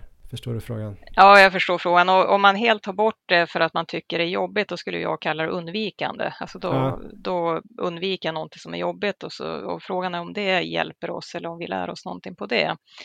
Och jag kan ju tycka istället att man, eh, som jag sa lite grann tidigare, att, att ah, kunna använda, för jag menar de här sakerna kan ju också ge en massa motivation. Att ta en löparklockan där, kunna följa, och, men, men just att man använder det på ett klokt, förnuftigt sätt. Och känner man att det blir för mycket, ja, då kanske man ska dra ner på det lite grann, men man kanske inte behöver slänga ut det utan öva sig på att kunna använda det på ett klokt sätt och kanske testa något pass utan klockor om man känner att det börjar bli för mycket för att se, bara så att man känner att man har valen. Eh, så jag, jag, tänker mycket att det handlar mycket om att öva sig och att reflektera kring det man gör och varför jag gör saker och det jag håller på med är det funktionellt för mig eh, och det det jag vill nå. Och blir det inte funktionellt, ja, men då får vi hitta ett annat sätt att göra på. Så mycket är ju, hjälper det mig eller stjälper det mig? Eh, och det som själv kan vi ju försöka hitta bättre sätt då. Jag tänkte här mot slutet så man skulle kunna fokusera lite på några praktiska råd om du kan. Det kanske är svårt liksom. Generella råd lär ju inte funka som vanligt men, men om man kan prata lite om vad man skulle kunna göra praktiskt. Om man då fokuserar på prestationsångest som kanske är kopplat till ett lopp då eller att man känner att man är väldigt, väldigt nervös eh, långt innan eller till och med funderar då på att eh, säga att man är sjuk och inte komma eller att man känner att det knyter sig, att man inte får ut eh, allt som man har egentligen på träning. Eh, den typen av prestationsångest. Att det här tävlandet, att man vill göra det egentligen och man tränar för det men man tycker det är ganska jobbigt när man kommer till loppdagen. Hur skulle man kunna jobba för att eh, komma till rätta med det problemet?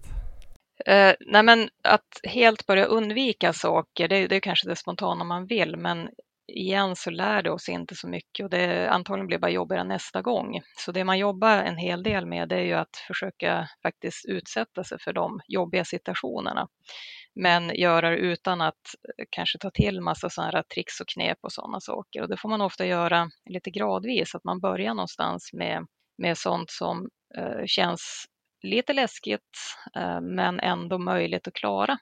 Mm. Eh, och grejen är ju lite grann som jag sa inledningsvis här att de här känslorna och tankarna och det här, det är ju inte farligt eh, egentligen, utan det är bara någonting vi har lärt oss koppla till den här situationen. Eh, så att det är sådana saker man kan göra, att försöka omvända det här till att man faktiskt ska bli lite kompis med sin prestationsångest och utmana sig lite grann för att kunna, kunna möta den i den här situationen. Eh, och det här får man göra stegvis, att man utsätter sig för det och så sen så istället för att försöka fly från känslan och se det här som hotfullt så är man kvar i det.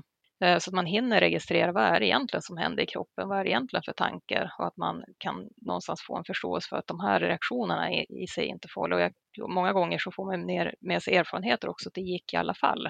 Även fast jag trodde alla de här katastroferna så lyckades jag genomföra och man fick en erfarenhet med sig. Eh, så det, men det här beror lite grann på vad det, är som, vad det är som triggar den här prestationsångesten. Man skulle gärna vilja kika igenom det med, med den aktiva först för att, för att se vad är det som utlöser, finns det någon trigger och hur reagerar man och vad gör man då och sådana saker. Eh, andra, andra sådana saker som många jobbar med nu som har blivit väldigt populärt, eh, det är ju det här med mindfulness och acceptansbaserat flera tekniker. Och mindfulness bygger ju på att kunna vara närvarande i nuet. Eh, och eh, just det här att kunna också särskilja vad är en tanke eh, och vad är, alltså att, att se tankar som tankar och se känslor som känslor och att det behöver inte vara verkligt det som tankarna säger till oss i den situationen. Så att med den här typen av tekniker och kunna acceptera också, det där acceptansteknikerna kom in, att kunna acceptera det som vi känner i kroppen som någonting naturligt istället för att bli rädd för och så drar vi på ännu mer stress för att det blir hotande för oss. Eh, så den typen av tekniker är också väldigt vanliga och blir jättepopulära att jobba med eh, för att kunna få lite distans till tankar och känslor och kunna titta på dem lite grann utanför oss själv. Ungefär som att vi har en liten observatör som observerar var finns det, vilka tankar, här kommer en tanke om det, men det är just en tanke. Eh, så att det är väl sådana tekniker som eh, ganska många använder sig av om det inte finns någonting mer med i bilden. Ibland kan det, eh, ibland kan det vara sådana saker att man, har, man faktiskt har någonting, social ångest eller så, då behöver man ju hantera det. Men, men just för att kunna eh, hantera känslopåslaget eller anspänningen och de tankarna som kan bli just i prestationssituation, om det inte finns någonting mer med, Eh, så brukar den typen av tekniker vara ganska bra. Och det gör ju att man lär känna sig själv lite grann också, framförallt få erfarenheten av att det brukar gå i alla fall och det är inte farligt att känna det jag känner i kroppen och tankarna spelar oss ett spratt många gånger just i de här situationerna. Så om man kommer ner till det här 5000 metersloppet och tänker oj, det här kommer bli så himla jobbigt, eh, jag kommer inte klara den här tiden som jag har skrivit på Instagram att jag, att jag försöker nå eller de där tre som jag vill slå ser mycket starkare ut än mig, då, hur gör man då rent konkret? Det här är ju jättevanligt för att just där så börjar just att tvivlet kommer in i bilden och eh, jag säger fortfarande att just det här att göra en liten reality check med sig själv. För att om jag kommer dit och säger att jag kommer att bli trött så har det att göra egentligen med vad jag gjort med perioden fram tills jag kommer till loppet. Har, har jag tränat på ett bra sätt? Eh, har jag känt mig trygg i mitt upplägg? Har jag gjort de saker och förberett mig så som jag vill förbereda mig, som jag tror på? Eh, och har jag gjort det, då har jag egentligen ingenting eh, att fundera så mycket på egentligen. För jag har ju gjort allting som jag ska göra och då får man ju egentligen acceptera det. Att nu är min uppgift att gå ut och se vad kroppen har idag. Det spelar ingen roll om vi börjar fundera där och då, utan vi har ju lagt upp ett träningsupplägg som vi tror på, som vi följde och eh, vi har gjort jobbet. Och nu är det egentligen att låta kroppen leverera. Så att det, det, är ju inte bara det som händer där och då, utan det är också förberedelsen inför det här, att man känner sig trygg i de förberedelserna som man faktiskt har gjort fram tills dess. Om man slarvat och inte, och inte tränat något, då kanske det finns en realistisk oro med i bilden också. Kanske vi inte kan tänka bort den riktigt, tänker jag. Eh, så det, det, är ju sådana saker. Sen det här med att eh, man börjar titta runt och titta sig över axeln också är jättevanligt. Att man börjar titta på alla andra. Och det är ju samma sak att man, man kanske förstorar upp att andra har gjort så perfekt och andra har gjort massa andra saker som inte jag har gjort. Men igen får man knyta det till, till sig själv, att man har gjort ett upplägg som faktiskt passar mig. Eh, de andras upplägg behöver ju inte nödvändigtvis vara bra för mig utan att man, man har utgått ifrån det som faktiskt eh, fungerar för mig och skulle det inte bli så bra, då får vi utvärdera utifrån det och lära oss av det här tänker jag. Finns det andra saker eller tips som är viktiga att tänka på för att göra liksom den här härliga idrotten ännu roligare? Alltså för folk som tycker att det kanske är lite jobbigt att tävla fast de egentligen tycker att det är roligt i grunden och vill göra det. Men man vill ju bara ha roligt med en hobby liksom. Hur ska man tänka? Nej, men jag tänker just det här med målsätt, att man sätter realistiska mål och man, man eh, tänker igenom varför vill jag faktiskt göra det här? Och just det här vill-ordet eh, är ganska bra för att så fort vi börjar, eh, vi, vi har ju en tendens att börja prata om måsten och borden och ja, jag ska och sådana saker. Men att fundera på varför vill jag faktiskt göra de här sakerna? Vad är, vad är syftet med varför jag håller på med det här? Och eh, någonstans i grunden så ska vi hålla på med någonting under lång tid så handlar det om att bygga just inre motivation, att man tycker det här. Det kanske inte är kul, ett, jag menar ett mjölksyrapass kommer väl aldrig att vara roligt, men jag gör det för att det faktiskt förbättrar mig och det är någonting jag vill. Va? Så att man kan stämma av med sig själv lite grann också. Vad, vad är själva skälet till att jag håller på och springer och är det rätt drivkrafter som jag har och kan jag förändra kanske någonting om jag börjar känna att det blir fel drivkrafter som kommer med i bilden. Eh, så att eh, inre motivation är ju någonstans grunden. Sen varje träningspass är inte kul och så, men att, vi, att man känner att man, man faktiskt har den biten med så att det, det är något man trivs med. Tona ner kanske lite grann kraven och vad andra ska tycka och tänka och sådana saker. Och är det så att man tycker att det är jättejobbigt så finns det som sagt då, då är det jättebra att prata med någon som kan de här frågorna och få lite individuell, individuellt stöd så man kan gå ner på detaljnivå lite grann och se vad man kan, vad man kan jobba med. En sista fråga då. Är det bra att tävla mycket eller liksom tävla ännu mer om man tycker det är jobbigt att tävla? Ja, en del tycker att det är, att det är, de beskriver lite grann att man blir lite tävlingstrött. Alltså det blir lite grann, man blir, det blir lite rutin över det hela. Eh, så att om du, om du bara har en enda stor tävling vartannat år, det är klart, då kommer den att bli jättebetydelsefull. Eh, men utsätter du för tävling och eh, öva på de här, alltså att förbereda på ett bra sätt, genomföra det, så, så kommer du att få en erfarenhet, rutin mer in i det. Då blir inte varje tävling lika, lika stor. Och det ligger ju lite grann i, den här, i linje med det här som jag pratade om, att exponera sig, att faktiskt utsätta sig för det som man tycker är jobbigt stegvis. Och då kanske inte VM-final första gången man slänger sig in, utan det är lite mindre tävling. Men sen kan man ju trappa upp det stegvis, eh, så man tar lite svårare och svårare ju, ju mer man känner att man, man liksom börjar lära sig och få med sig och det börjar, börjar gå lättare och lättare. Stort tack Carolina Lundqvist. Eh, har du några övriga inspel som jag glömt att fråga om? Nej, egentligen inte. Det här, är ju ett, det här kan man ju prata hur länge som helst om, skulle jag väl vilja säga. Och det är ju som igen ett, ett fantastiskt vanligt område. Och eh, ibland tänker jag det att det är inte bara idrotten, utan vi, vi lever ju mångt och mycket i ett prestationssamhälle. Så att det är ju ganska mycket just kopplat till de prestationssituationer. Eh, så att det kan ju vara inom jobbet som du nämnde tidigare eller inom idrotten eller så. Det är ganska liknande reaktioner egentligen. Men det här med prestationer och att man ibland får rådet att man inte ska tänka att man är sina prestationer utan man är, har ett människovärde oavsett hur bra man gör en sak på jobbet eller på löparbanan. Hur jobbar man med det och hur lätt är det liksom? För att man är väl en summa också av det man gör på något sätt. Så är det, men ofta så kanske de största problemen blir om man utvärderar sig själv helt och hållet utifrån prestationer. Och det har att göra med att prestationerna kommer ju att variera. Vi kommer ju aldrig att göra allting hundraprocentigt perfekt hela tiden. Eh, och där kan man ju, eh, just här att bredda ut sin identitet kanske lite grann, att man har andra saker att falla tillbaka på, att man kanske också känner, man jobbar med att vem är jag och vad mitt värde bortsett från prestation, att man fyller på sin identitet med andra saker.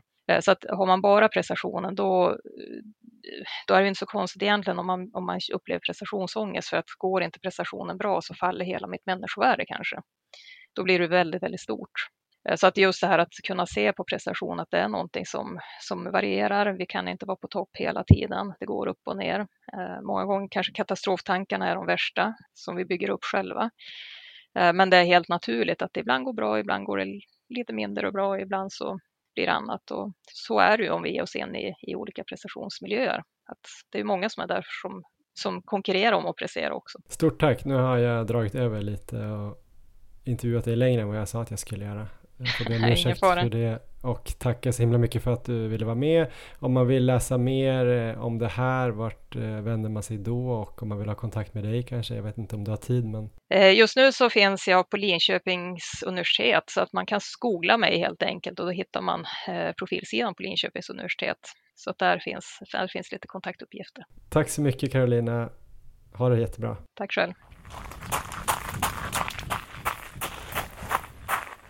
Ja, men det där var alltså Carolina Lundqvist. Eh, tusen tack för den intervjun. Eh, hon ger ju ännu mer kontext till det här eh, prestationsångestproblematiken. Erik, har det växt några tankar i ditt huvud när du lyssnar på det här? Absolut. Hon nämner ju det här med orealistiska målsättningar och att det kan leda till prestationsångest och det kan säkert stämma i många fall. Men jag tänkte koppla det till oss, för vi pratar ju mycket om smala mål, lockande istället för realistiska. Hur har du känt Johan? Har du upplevt ökad prestationsångest när du började sätta tuffare mål än vad du gjorde i början av maratonlabbet? Alltså om de är helt orealistiska målsättningarna då blir jag nog inte, får jag nog inte så mycket prestationsångest för då tänker jag att det är helt sjukt om jag klarar dem ens. det är nog värre om jag kanske sätter någonting som jag verkligen borde klara, som många tycker att jag borde klara. Eh, och det vet jag inte om typ Lidingöloppet sub 2 är eller vad det nu kan vara. Sub 2.45 på maraton har jag misslyckats med två gånger när jag egentligen varit i en 16-form på halvmaraton. Då borde man ju kunna klara det. Så det kanske skulle vara värre då egentligen än att om jag nu ska eventuellt eh, sikta på Valencia på SM-kvaltid då känner jag kanske att det kan kanske vara lite mer avslappnat till på ett sätt för jag inte riktigt tror på det. Men ja, jag vet inte. Jag är ju lite mer, jag har alltid varit lite mer att jag skulle vilja ha lite olika nivåer på målsättningar och sen när jag kommer på loppdagen så gör jag bara mitt bästa den dagen och inte tänker så mycket på tiden utan jag, jag gör det jag kan med den formen jag har.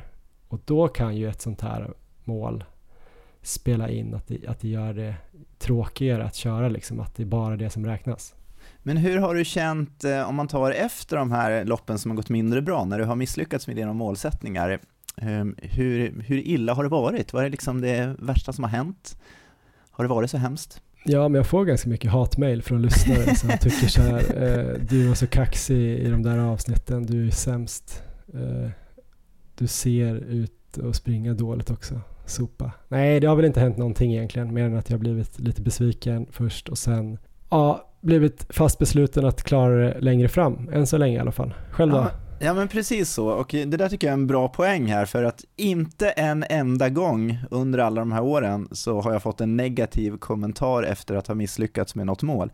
Och det är ju väldigt många misslyckanden ändå. Det har varit ett antal marer där jag väggat och inte liksom lyckats med det jag sagt och samma här med EM nu också.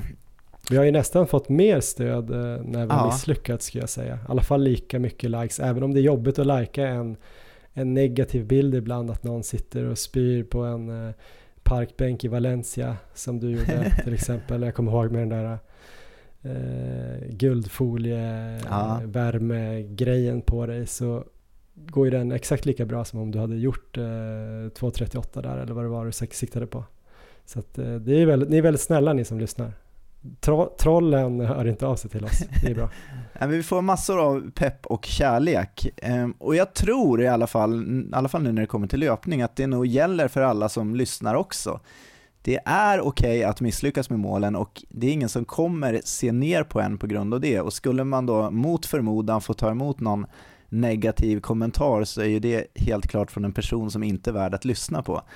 Jag tycker att det är värt att ta med sig. Det, ja, det brukar inte, eller det händer helt enkelt inte, de här hemska sakerna som man kanske målar upp där inför. Men det fanns eh, mycket annat intressant också och eh, en viktig sak som hon är inne i på slutet av intervjun där, som jag tycker är otroligt viktig just när det kommer till prestationsångest, är ju förberedelser.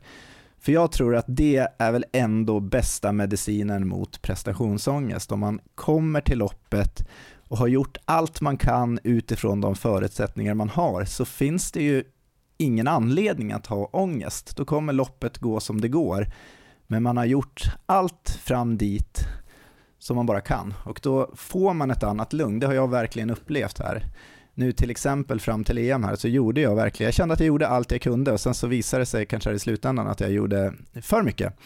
Ehm, vissa saker som inte alls blev så bra, men det visste jag inte om då innan, utan när jag var där så hade jag ändå ett lugn av att veta det, att jag har gjort allt jag kan utifrån mina förutsättningar. Det påminner mig också lite om en strategi som jag har haft ibland när jag ska iväg på jobb, eh, som jag kanske har känt mig lite nervös inför och kanske till och med nästan prestationsångest. Att det kan ju också betyda att jag har något kontrollbehov men att jag kanske till och med har gjort en eh, planering in i nästan varenda timme vad jag ska göra en dag. Liksom.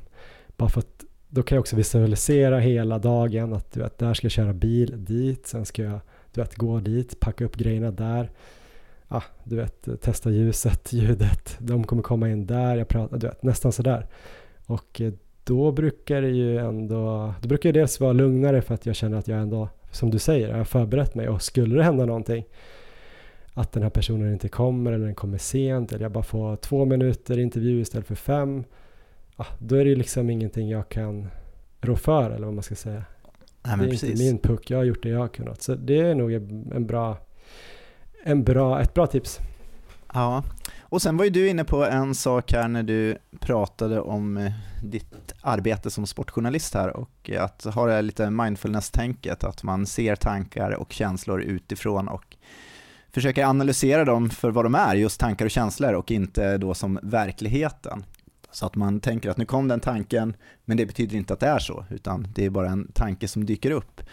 Så eh, just inför lopp så tror jag att eh, det är viktigt att ta med sig det, så att verkligheten inte är lika mörk som man kanske målar upp den där inför. Och, alltså även under lopp så funkar ju det otroligt bra. Just eh, om man tänker ett millopp, 6-7 kilometer in, när de här tankarna som alltid kommer att man kan inte hålla den här farten. Och ofta tappar man ju loppet där när man lyssnar på de här tankarna och känslorna som kommer, men har man då ett, ett mer positivt mindset och mer tänker att det här är bara tankar och känslor som kommer nu och jag klarar det här, i stunden klarar jag det här och fortsätter man då så ehm, jag tror det kan göra stor skillnad även under lopp. Jag märkte det definitivt under SM där i 24 timmar när jag jagade det svenska rekordet, för de tankarna dök upp eh, många gånger där att det här går inte, det är omöjligt. Men där lyckades jag fokusera just på stunden, att jag kan ändå göra det här just nu. Just nu och här kan jag göra det här, så då fortsätter jag göra det. Och hur jag känner sen, det är liksom inte viktigt och eh, ja, det gick ju hela vägen då. Så att eh, både inför lopp så tycker jag man kan ha med sig det och även under lopp.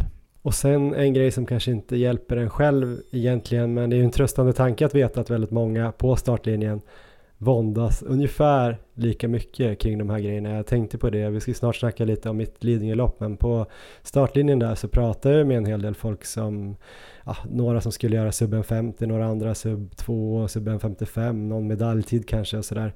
Eh, alla såg ganska oroliga och nervösa ut inför start och bäsade sina chanser och så vidare och att de tyckte att det kändes dåligt och ja, men såg lite spända och nästan illamående ut så att man ska inte ta det här på allt för stort allvar även om man ska göra sitt bästa. Ja, men det är ändå härligt på något sätt att det ändå är så att de där känslorna finns. Sen så vill man ju bara inte att det liksom ska slå över och leda till ångest inför och att man inte vill vara där. Men det är ändå härligt att de där känslorna finns delvis och att man ändå känner den där nervositeten och så. Så jag, jag, tror bara man kan liksom hitta en bra balans på det och använda de här tipsen som vi får här av Jonas och Carolina så, så tror jag nog alla kan må lite bättre i alla fall på startlinjen. Jättebra. Hör gärna av er om ni har eh, känt igen er i det här eh, avsnittet. Antingen i, i eh, liksom posten som vi lägger upp för det här avsnittet om ni vågar dela med er av någon sån här känsla som ni har haft eller så kan ni skriva till oss eh, och säga något om ni tyckte att avsnittet var bra eller har hjälpt er på något sätt. Det vore jättespännande att höra hur många det är som upplever den här känslan inför tävlingar.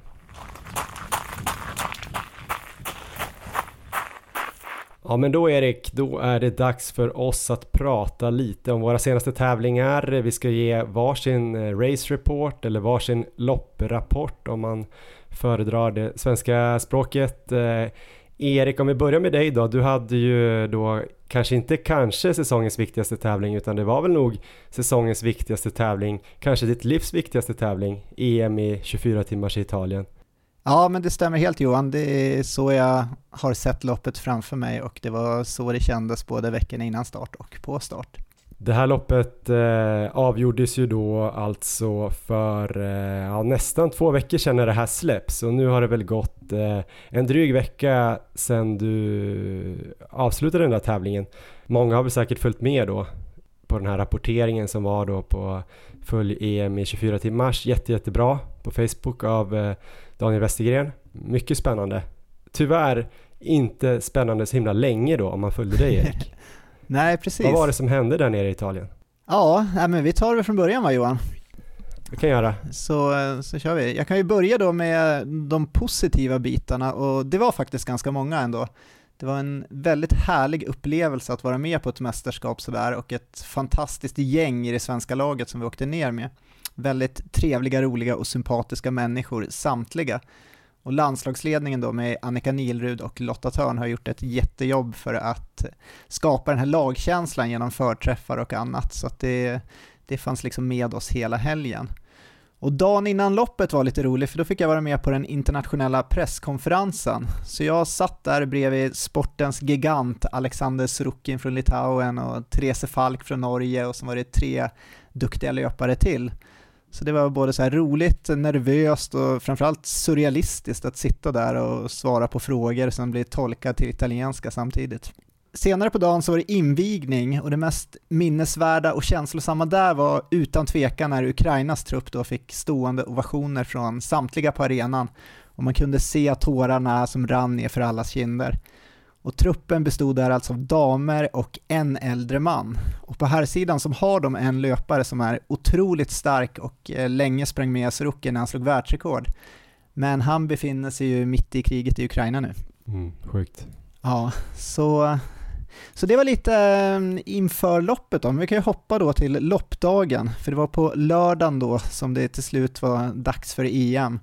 Och jag hade ju värmetränat här i nästan tre veckor. Vi har ju pratat om det här i de senaste avsnitten. Men just till denna dag så störtdök temperaturen där i Italien så att det gav nästan perfekta vädermässiga förutsättningar. Och när vi kom till arenan så ösregnade det faktiskt, så vi stod där i tältet och ordnade upp all vår utrustning och energi. Och sen fick vi varsin sån här elegant sopsäck som klänning och sen så gick vi till starten där.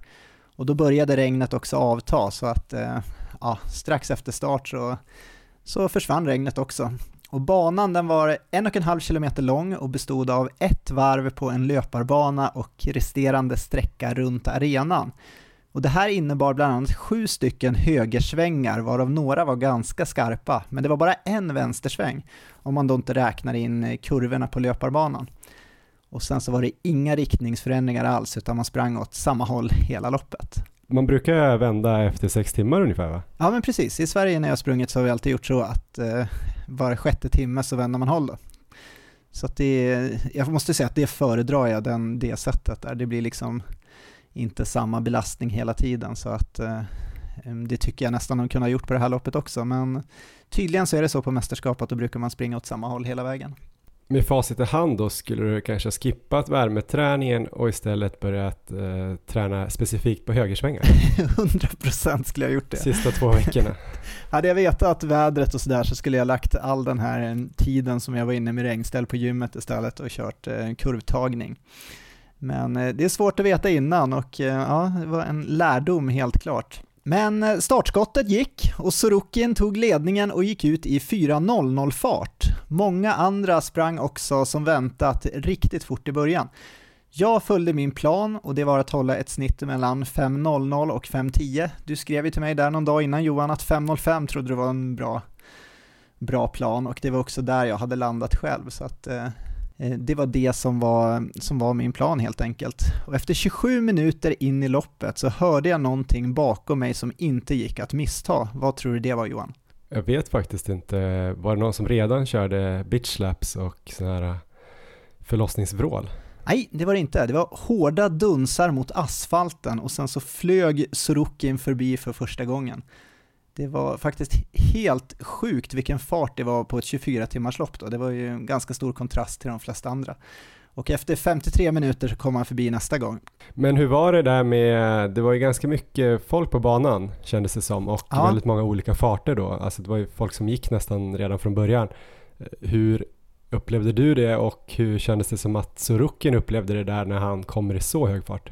Eh, jag var orolig för, mm, inför just med att det skulle vara väldigt mycket folk längs banan. Jag tycker inte jag blev så störd ändå. Det var vissa lägen såklart. Ehm, det var ju bland annat då ett lokalt italienskt lopp. Det är ju det som det normalt är i det där loppet då. Så att det var ju som en, eh, vad ska man säga, en nationell klass med där. Och där var det ju några som Ehm, som gick ganska tidigt i loppet och också gick på innerspår. Så att funktionärerna var ju där och försökte liksom övertala dem att gå ut i andra spår, men det var många som, som inte riktigt ville köpa att de inte fick gå där på innerspåret, trots att liksom världseliten var där och sprang. Men eh, Sroken var ganska intressant för att eh, jag skulle säga att de flesta andra försökte ändå liksom springa runt då när det var, när det hamnade några i bredd och så jag bland annat, det är inte så att jag försökte tränga mig nämnvärt, men Sorokin tog alltid liksom den snabbaste vägen möjligt. Ehm, så att fanns det en lucka eller en tendens till lucka, då tog han den. Ehm, och det var ju det var inte så här på ett oschysst eller otrevligt sätt, utan det var ju bara liksom eh, han hade ju ett mål i sikte. Han skulle ju försöka springa världsrekord och bra mycket längre än så. Så att, eh, ja, det var väl helt rätt av honom där, men eh, det är väl något man kunde ta lärdom också där av Sorokin, att eh, ja, verkligen försöka ta varje möjlighet där till att eh, spara några meter. Jag hamnade i cirka 5.02 snitt första milen. Allt kändes bra. Det var riktigt kul att vara igång och springa i landslagskläder och sen så har folk från andra länder överallt runt omkring sig. Jag fick eh, energi langad av min support som var landslagsledaren Annika Nilrud och det samarbetet fungerade hur bra som helst. Jag kände mig väldigt trygg där när jag sprang så jag kunde verkligen fokusera bara på löpningen. Efter drygt två mil började jag känna mig sliten i framsida lår. Först på högra sidan, men snabbt kom det även på andra sidan, alltså muskulärt sliten. Väldigt oväntat och oroväckande. På SM i race-reporten där så pratade jag om att jag sprang samtliga 24 timmar utan att någon gång känna mig muskulärt sliten egentligen på det där sättet. Mm. Och på träning så springer jag oftast flera pass i veckan på över 4 mil i liknande fart och jag har aldrig någonsin känt den där känslan. Men jag sprang på och hoppades att det skulle bli bättre, men det blev ännu värre. Så efter tre mil så känns låren som cement, stela och tunga att springa på. Det låter lite som eh, om jag skulle göra en race report för 24 timmars. ja, ehm, den ser jag fram emot Johan. Det, det kommer bli en av mina favoritrapporter här på, i podden. Vid två timmar så var jag otroligt stel i framsida lår. Vid tre timmar var jag otroligt eh, uttråkad och fantastiskt eh, stel i framsida lår. Hade jättemycket kramp i baksida lår och sen gick jag hem. Ja, Där kom ehm, in. så, så ska det inte bli. Men jag håller då fortfarande farten i alla fall. Men det är som att jag nästan får byta löpteknik för att kunna göra det. Och där är det mer än 21 timmar kvar av loppet. Och då inser jag att så här kommer det vara och troligen mycket värre under resten av tiden. Och jag inser också att bryta är inte ens ett alternativ. Jag får fantastisk support från landslaget. Jag har siktat mot det här loppet sedan i april. Mina föräldrar är på plats på arenan och jag vet att många följer loppet i Sverige. Och den stunden när jag förstår att jag ska springa 21 timmar med sönderslagna lår, det var riktigt tufft mentalt. Men ganska snabbt har jag ändå accepterat att det är så här det kommer bli.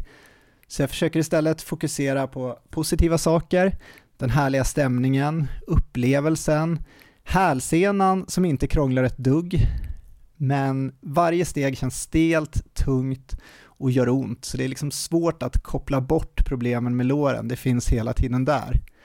Efter 6 mil så håller jag fortfarande nästan utgångsfart. Jag kanske ligger i 5.05 snitt nu, så att eh, ungefär då eh, vad vi hade planerat att gå ut i. Solen har kommit fram, vi kör olika strategier för nedkylning, jag har musik på, allt som kan ta bort fokus från smärtan i låren, men det började bli värre och värre. Och det såg nog väldigt stelt ut när jag sprang. Jag tror jag fick öka kadensen då, som, som ju är ganska hög redan från början. Men för att jag ville lyfta på låren så lite som möjligt, så att det var en väldigt speciell löpstil tror jag där. Och efter 108 kilometer så har jag tappat fart. Och nu ligger jag i cirka 5.30, det är ingen katastrof fartmässigt, men låren är nu så sönderslagna att det bara känns som en plåga. Och jag säger det till Annika vid varvningen där, något i stil med att varje steg gör ont i låren nu. Och då får jag lägga mig ner i tältet i två minuter och sen så får jag massage av eh, båda framsida lår. Otroligt smärtsamt, även om jag tror att de knappt behövde trycka liksom på benen överhuvudtaget. Men det var som en total befrielse att få ligga ner där i tältet efter att plåga sig runt i säkert åtta timmar med den här känslan. Efter två minuter så testar jag igen, ingen bättring, precis samma känsla när jag springer. Och en mil senare, när jag kommit 118 km, så har jag tappat ner i 540 fart. Jag får återigen lägga mig ner för massage. Och den här gången så masserar de med något slags liniment. Och när jag kommer upp och provar att springa så sticker det obehagligt i benen. Jag provar att öka och känner att det gör lite mindre ont ändå. Så jag springer på och känner att smärtan börjar avta. Pulsen är lika låg som vid start och jag känner mig helt fräsch förutom låren. Och energiplanen har också fungerat klockrent, så det är liksom så mycket som ändå är bra. Och där känns det som att jag har fått en ny chans. Det varvet efter massagen med liniment går i 4.38 fart. Och när jag passerar supporten så försöker de lugna ner mitt tempo. Eh, men det var inte lätt för det känns som att jag plötsligt har kunnat börja springa efter att hela loppet har varit förhindrad. Men jag lyckas ändå liksom lugna ner mig så pass att jag springer i utgångsfarten cirka 5.05. Jag försöker hitta ryggar som jag kan ligga bakom och bara liksom flyta med. Och det känns roligt igen, det känns som att jag flyger fram på banan och jag känner mig hur stark som helst. Efter 12 timmar, så halvvägs in i loppet, så passerar jag 135 kilometer och det är två kilometer längre än jag nådde halvvägs på SM. Så trots problemen och eh, allt det där så känns det som att ja, men jag ligger ändå ganska bra till och det känns som jag har hur mycket krafter kvar som helst. Jag tar där en toalettpaus och då ser jag att färgen på mitt urin ser ut som äppeljuice eller kanske till och med lite mörkare än så. Jag har haft koll på det här hela loppet men just här så är det liksom en stor skillnad mot tidigare. Riktigt oroväckande och vi har fått väldigt tydliga direktiv innan loppet här. Att vi ska ha koll på det här och direkt meddela om det är någonting som avviker från det normala. Och här var det verkligen så, det här var inte alls det normala och det var inte som det hade varit innan.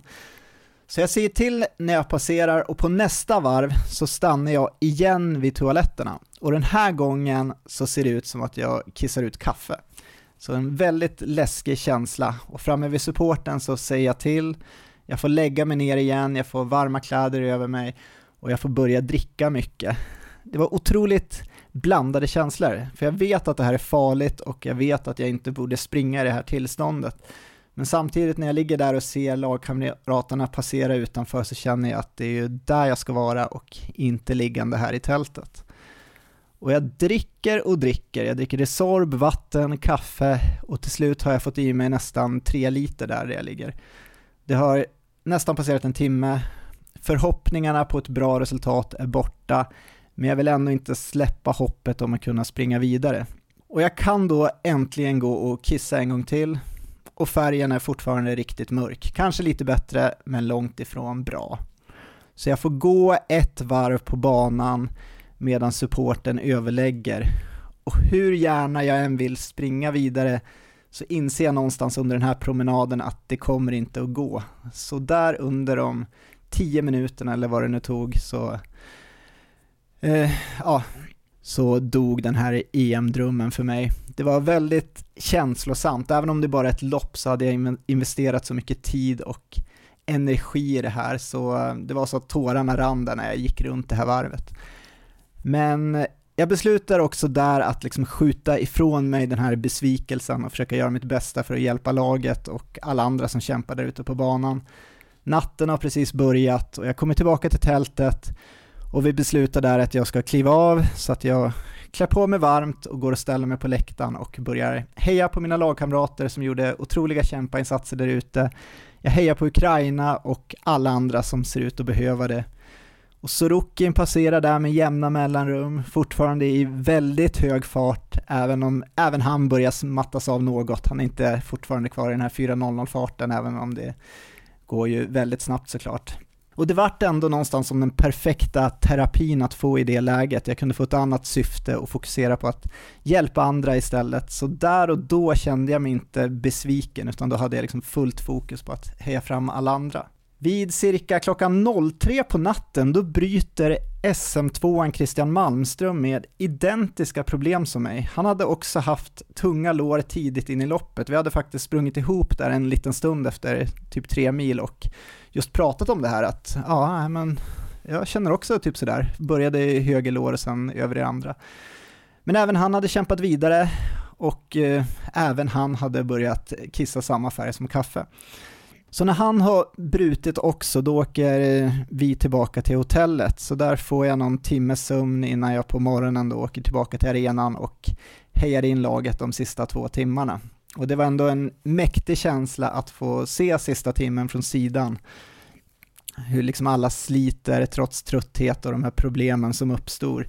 Men det smärtade väldigt mycket att inte vara där och springa själv. Jag hade visualiserat den där timmen framför mig så många gånger under olika träningspass. Och Sorokin passerar världsrekordet med en knapp timme kvar. Det var också väldigt mäktigt att få uppleva det, först då på banan och sen se det från sidan.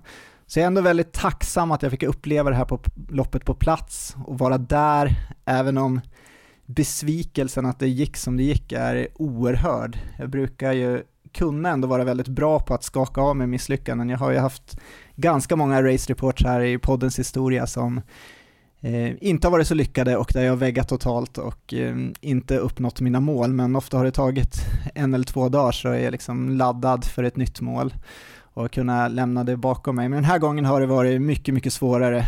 Det sitter fortfarande i, det känns som att jag liksom aldrig fick chansen i det här loppet och jag tror att jag egentligen var i otroligt bra form om det inte varit för Loren. Så ja, nu nio dagar efter, eller vad det är, så eh, ja, jag är fortfarande ändå väldigt besviken att det blev som det blev. Mm. Har du någon förklaring så här i efterhand till varför det kunde kännas så här i låren så pass tidigt? Ja, men jag är ju ändå inne på att den här värmeträningen som jag gjorde är nog det som eh, sabbade allt för mig i slutändan. Det var ändå 11 cykelpass på 15 dagar. Jag är ju ingen van cyklist och även om det inte ska vara några tuffa pass, man ska ligga i någon slags kanske 12 på Borgskala och det var ju där jag hamnade så eh, det blir ju ändå ganska hårt kanske tänker jag. Det kändes inte så jobbigt då kanske pulsmässigt och sådär men eh, just att få den belastningen hela vägen in eh, gjorde kanske ändå att låren var ganska slitna.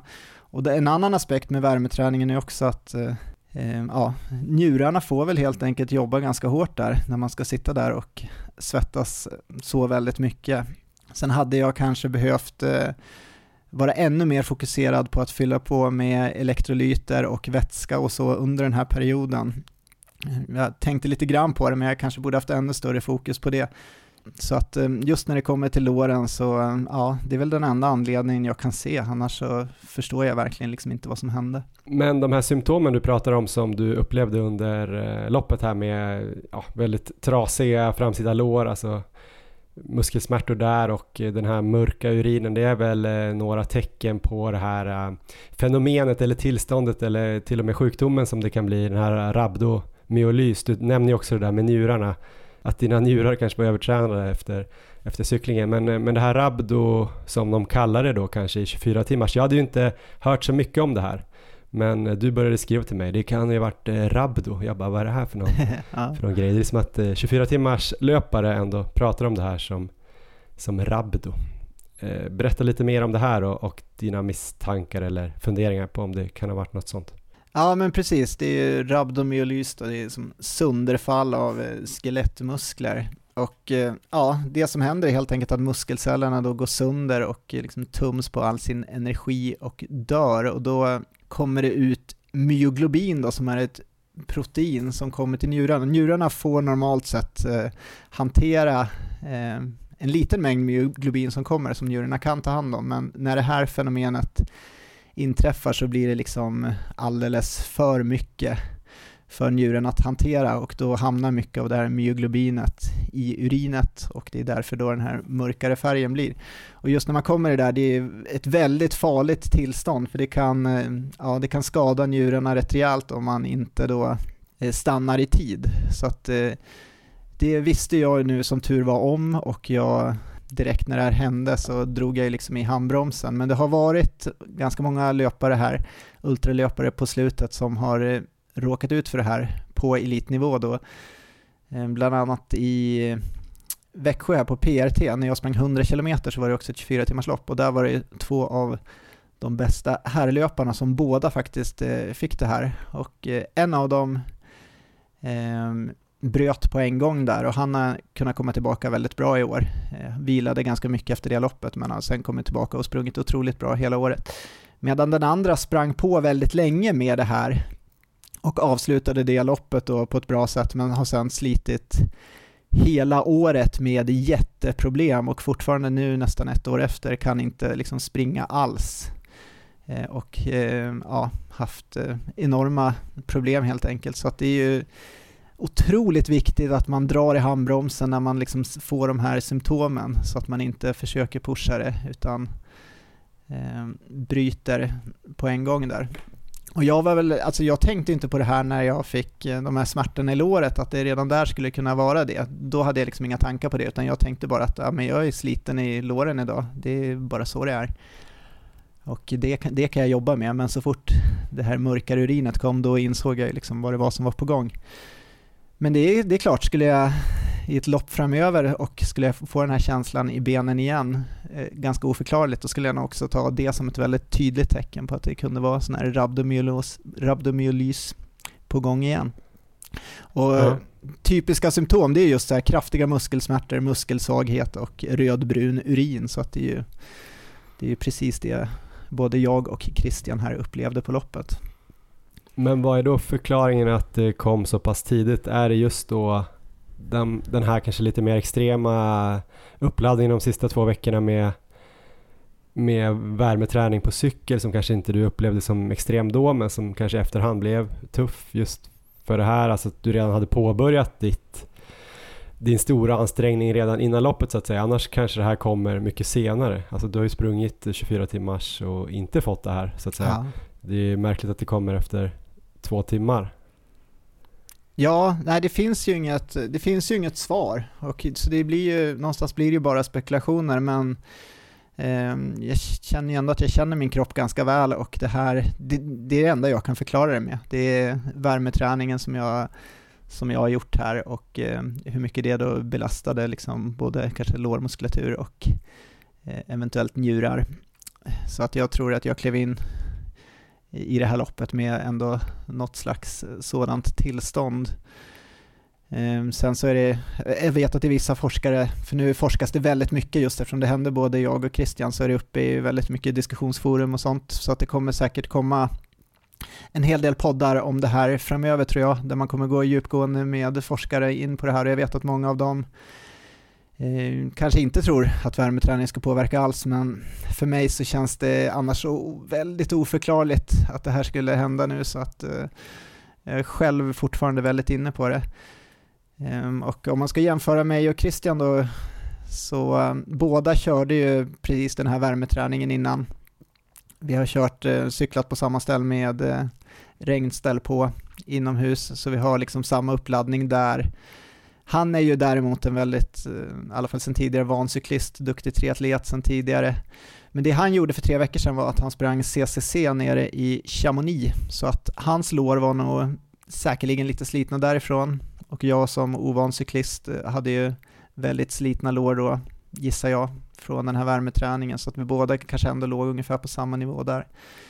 Och en tredje parallell som man kan dra det är också eh, Bill Öster då, som också var med och sprang 24 timmars här. Han eh, kissade aldrig mörkt, men däremot så upplevde han eh, samma sak med låren här, att hans lår var otroligt slitna, han kunde inte alls göra sig själv rättvisa, han gick väl sista fem timmarna här in i mål.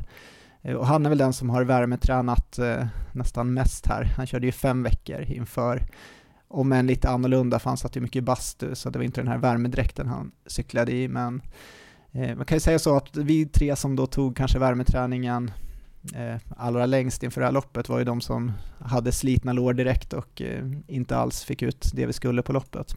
Ja men eh, kanske trippel Rabdo där i svenska laget. Eh, jag vet ju att Christian Malmström fick ju uppsöka sjukhus i Italien. Du klarar dig bättre där, eh, har varit i kontakt med eh, sjukvården här hemma men inte fått tag i några tester. Eh, hur mår du nu så här nio dagar efteråt och vad tänker du om framtiden här? Nej men precis, Christian åkte in på morgonen där och det kanske jag borde gjort också då, men jag kände att jag mådde ganska bra så jag var så sugen på att dra ut till arenan och heja in alla på slutet, så det gjorde jag inte. Men sen när jag kom tillbaka till Sverige så eh, ringde jag i alla fall vårdcentralen där och försökte få komma in och eh, göra lite tester för Christian hade ju skyhöga värden på myoglobin och andra viktiga värden här så eh, jag ringde men eh, jag fick inte komma in tyvärr. Jag Fick ganska dåligt bemötande också där att eh, det var ju sjukvård de sysslade med och inte eh, göra tester efter extremsporter så att jag tappade ju totalt suget att försöka få till några tester efter det, så att jag har inte varit inne, men jag mår ju ändå ganska bra nu måste jag säga. Mina ben har varit sjukt slitna den här veckan eh, efter loppet, alltså muskulärt slitna på ett sätt som jag inte tror jag varit med om förut, även fast jag bara sprang halva loppet här. Så att det har varit, eh, efter många dagar när jag skulle upp på morgonen så är det nästan så att de krampar ihop. Så att eh, det har känts att det tog rejält. Men eh, sista två dagarna har det börjat släppa, så nu börjar det kännas mycket bättre. Och nu börjar jag väl liksom fundera på att i alla fall snart kanske börja träna någonting igen. Första veckan så hade jag inte en tanke på det, för det kändes bara så fruktansvärt eh, segt. Men jag ska väl vara extra försiktig den här gången och verkligen inte stressa igång för snabbt i alla fall. Lite så är väl planen för mig. Inga värmepass på cykel här nu? Nej, jag, jag, kan väl eh, slå fast här att jag kommer aldrig någonsin värmeträna i mitt liv igen. Eh, det, den biten och den fasen av mitt liv är nu officiellt över. Så eh, ja, så slutade EM den här gången. Det får väl kanske bli en revansch, något mästerskap senare. Vi får väl se om man får chansen igen. Jag får väl hoppas på det. Men det är inte bara jag som har sprungit här sedan vi spelade in sist. Jag befann mig i Stockholm, närmare bestämt på Lidingö i lördags och eh, fick även där stå och heja på sidan. Och då eh, sprang du Johan och du såg otroligt stark ut där när jag såg dig på banan sista gången så eh, du får helt enkelt eh, berätta hur det gick för dig. Ja men precis Erik, det var ju Lidingöloppet här i lördags för de som har missat det. Väldigt många duktiga löpare var där och skulle springa, kanske lite färre än vanligt hörde jag. Eh, men runt 70% av ett vanligt år tyckte jag någon sa. Men vi får väl hoppas att min race report inte avskräcker folk till nästa år utan att det blir ännu fler löpare som eh, kommer ut till Lidingö. För det var ett, eh, en härlig dag som vanligt där ute. Eh, jag skulle försöka springa under två timmar på den där banan. Tänkte ändå att jag hade en okej okay chans eh, på det i år vet inte om alla håller med men det kändes ändå ganska bra inför loppet. Jag hade väl ändå gjort bra förberedelser och sista dagarna hade känts helt okej. Okay. Jag var laddad och hade sovit okej, okay, du vet eh, sådär. Ätit en massa, eller druckit en massa kolhydrater. Jag tror att jag aldrig har gjort så bra eh, kolhydratsladdning inför de här två sista dagarna. Själva Lidingöloppsdygnet där så vaknade jag 00.01 av att en eh, en bomb briserade typ 150 meter från där vi bor. Oj. Jag vet inte om du har läst om det men det var ju någon som hade sprängt en port i ett hyreshus här alldeles faktiskt på vägen där vi brukar gå till förskolan. Oh, Ganska obehagligt men jag lyckades väl, det visste jag inte just då på natten men hörde att det kom sirener och så men motstod då frestelsen av att ligga och ja, typ eh, följa det där hela natten. Så jag, så jag lyckades somna om. Eh, men det var bara egentligen en parentes för det hade ju ingenting med loppet att göra sen. För det var ju inte så att det var någon som sprängde hemma hos mig. Obehagligt ändå. Men eh, själva loppet då, jag kanske ska hoppa rakt in i det så det inte blir så himla långt. Jag funderade ju på att eh, klippa ut eh, race reporten från 2019 ja. och bara typ smyga in den här och kanske så här ändra några ord här och där och någon siffra och så. För att det var väldigt likt eh, det året eh, jag sprang senast för sub 2. Ja, det känns väl lite störigt så här efterhand att man knappt har blivit något bättre då. Eh, men eh, ja, jag har försökt att inte vara så hård mot mig själv. Eh, vi hade ju tidigare den här intervjun med Carolina, psykologen, och eh, hon sa ju det att man kanske inte ska vara så dömande efter en sämre prestation utan mer försöka fokusera på sina lärdomar, vad man kan göra bättre till nästa år. Och, så jag har inte varit så himla sur på att jag inte klarade det då, för det vet ni ju vid det här laget. Ehm, Ska jag komma in på race reporten Erik? Det känns som att jag bara eh, försöker undvika att komma in i det här loppet. Men eh, vill du veta någonting? Du såg ju mig vid, först vid 8 kilometer, sen 20 kilometer och sen vid målgång. Alla de ställena såg jag väl ganska pigg ut? Ja men precis, jag stod där vid, ja vad heter det?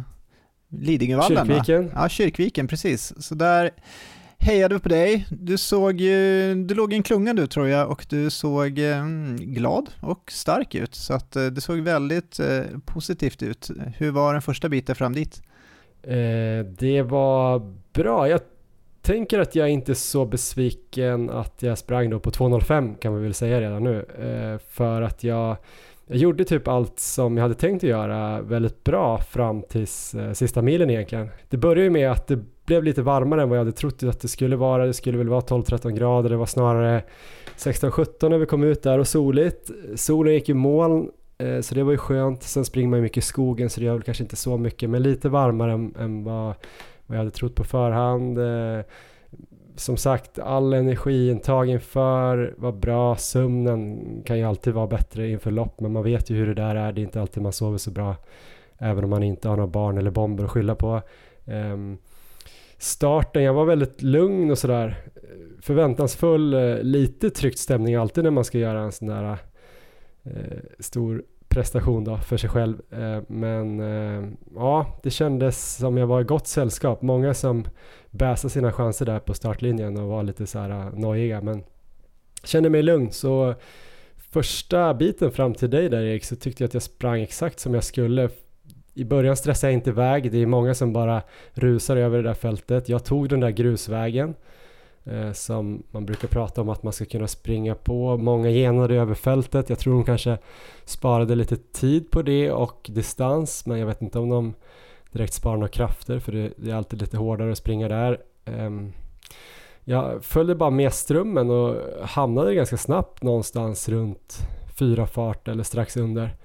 Flöt med egentligen, eh, såg också lite andra löpare runt omkring mig som jag visste skulle springa ungefär eh, på samma tid som hade sub 2 som mål. Jag hamnade också ganska snabbt eh, precis bakom en kille från FK Studenterna som heter Fredrik Li Olsson tror jag han heter. En ja, men lite mindre kille än jag som jag vet att jag har sprungit många lopp mot förut. Jag tror att han är lite mer uthållig än jag. Kanske att jag har chans mot, på honom på lite kortare lopp och sådär men jag känner ju att han kändes väldigt stabil i, i farten och jag vet att han är skolad av Lorenzo som har Lorenzo Nesi då som har full koll på hur man ska springa Lidingöloppet. Eh, han har ju pratat om det i vår podd bland annat. Ehm, så jag frågade faktiskt han, har du sub 2 som mål? Och då sa han ja.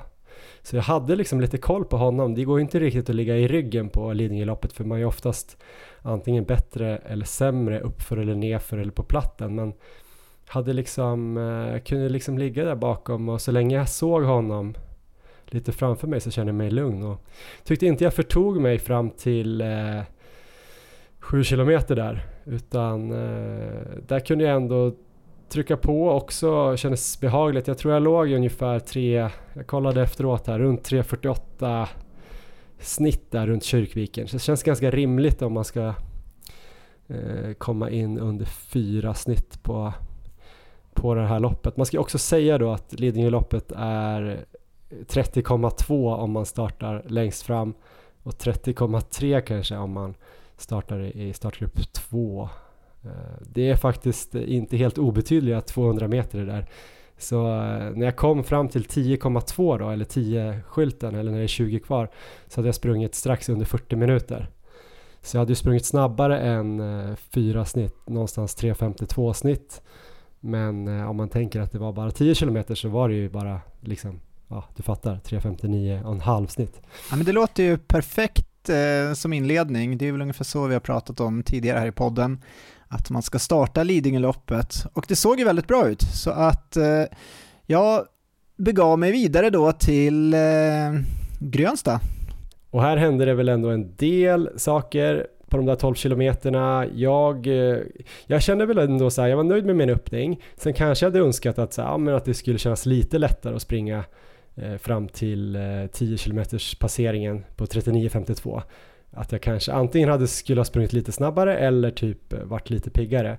Men eh, någonstans där vid 11 kilometer så var det några som kanske verkade krokna lite grann jag blev ändå stark, stärkt av det på något sätt och, och kunde börja flyta på där för eh, jag känner att det finns ju en passering där mellan 11 och 16 som går i skogen och lite upp och ner och så lite svängigt och krokigt så här, men det är, det är inte så kuperat alls utan det är bara liksom små, små backar och lite så här motlut och så. Och där tror jag är viktigt att man försöker hålla uppe farten. Det är lätt att man kan bli lite passiv där. Och där sprang jag då från den här Fredrik från studenterna. Jag kom ikapp eh, Malin Starfelt som jag visste skulle springa sub 2. Jag sprang ifrån eh, en kompis som jag åkte ut med, Johan Forsman, som också skulle springa sub 2. Eh, så där kände jag mig ändå väldigt stark utan att överdriva. Vid 12 kände jag mig nästan starkare än vad jag kände mig vid 3. Så det kändes som att jag hade verkligen kommit in i loppet och då kände jag ja men i, i, det här, i år kanske det kan bli sub 2 ändå. Jag känner mig så pass eh, lätt i kroppen. Kommer fram till 16, ganska bra. Där börjar det här eh, upp och ner partiet, eh, tvättbrädan, vad man nu ska kalla det, puckelpisten. Försökte väl slå på tempot där och jag tycker att jag lyckades ganska bra. Jag hade 59.10 till 15 kilometer. Eh, så 50 sekunder till godo då där. Kanske lite mindre än vad jag hade hoppats på något sätt men samtidigt kände jag mig eh, fräsch ju så att då tänkte jag ändå att det är fräsch sista milen så kanske jag kan göra den runt 40 eller strax över. Ehm, mellan 15 och 20 då, alltså där den här 16 till 19,5 är med så hade jag ungefär 4.05 snitt, 4.06 snitt kanske. Så eh, ganska snabbt men jag drog ändå ner på tempot där tyckte inte att jag eh, förtog mig. Tog det ganska lugnt uppför, försökte släppa på utför. Benen kändes bra. Den här Fredrik från studenterna kom dock ikapp mig här och sprang om mig igen. Jag kom upp på det här asfaltspartiet, väldigt brant ner mot eh, Askrikfjärden eh, och sen svänger man ju upp där mot Grönsta och där stod ju du och hejade igen och eh, min familj och eh, min svägerska och hennes familj då.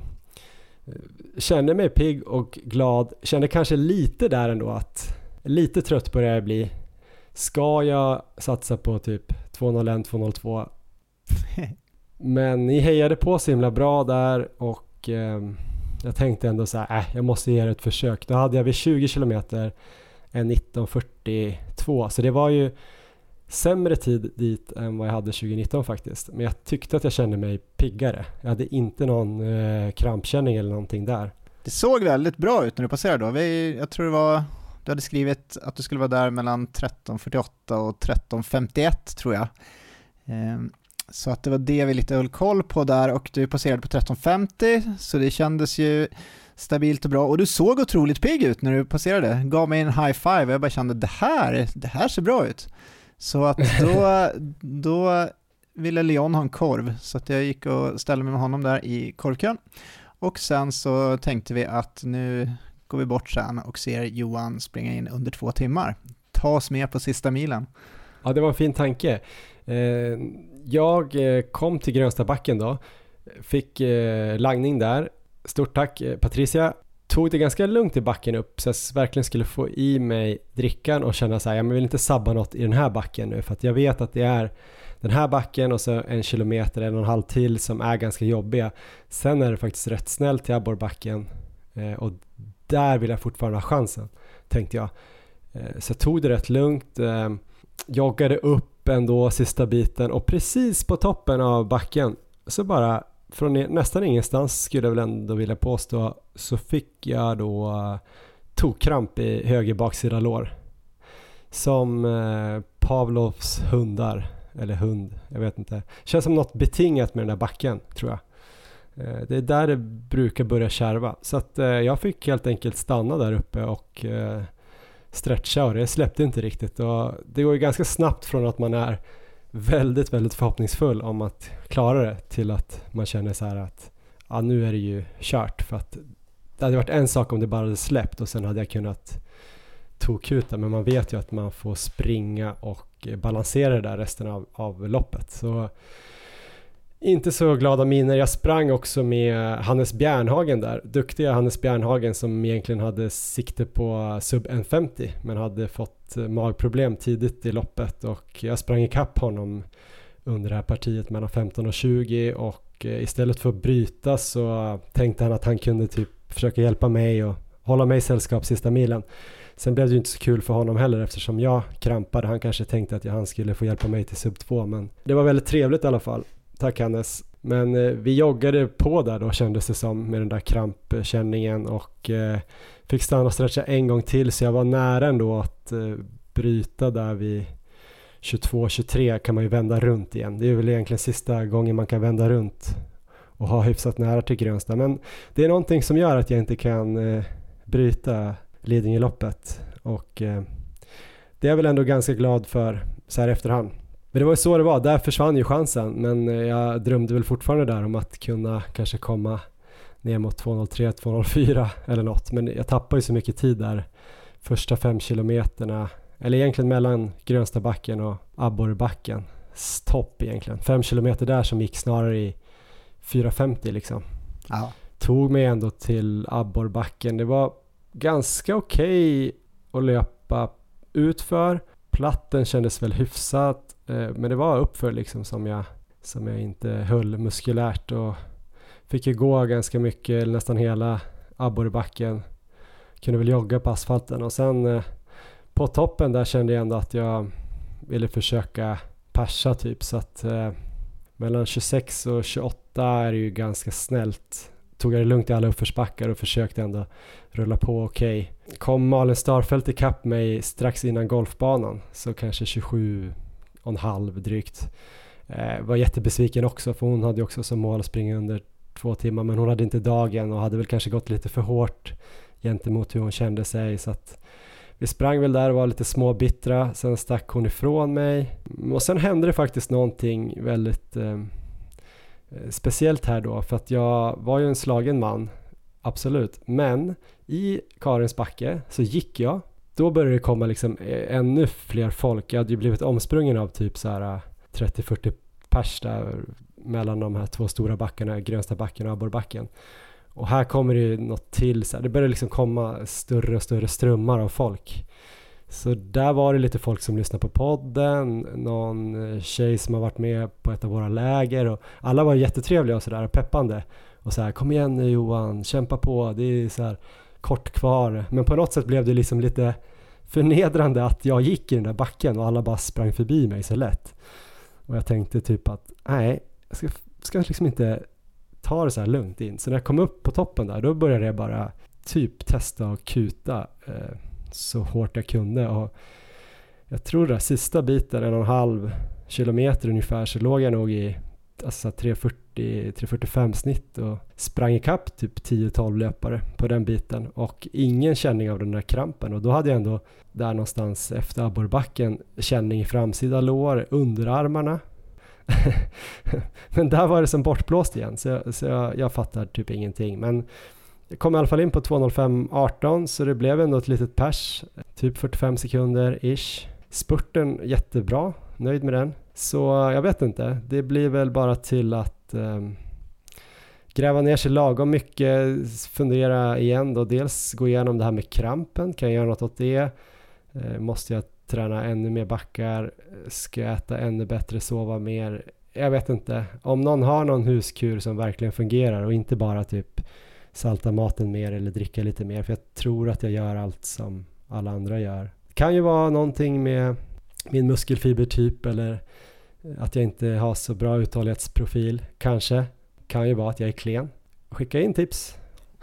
så, så får vi se vad jag kan göra åt det här eh, till nästa år då. För det kanske blir ett nytt sub 2 försök nästa år. Vi får väl se. Jag börjar bli gammal nu så att eh, kanske eh, kört snart.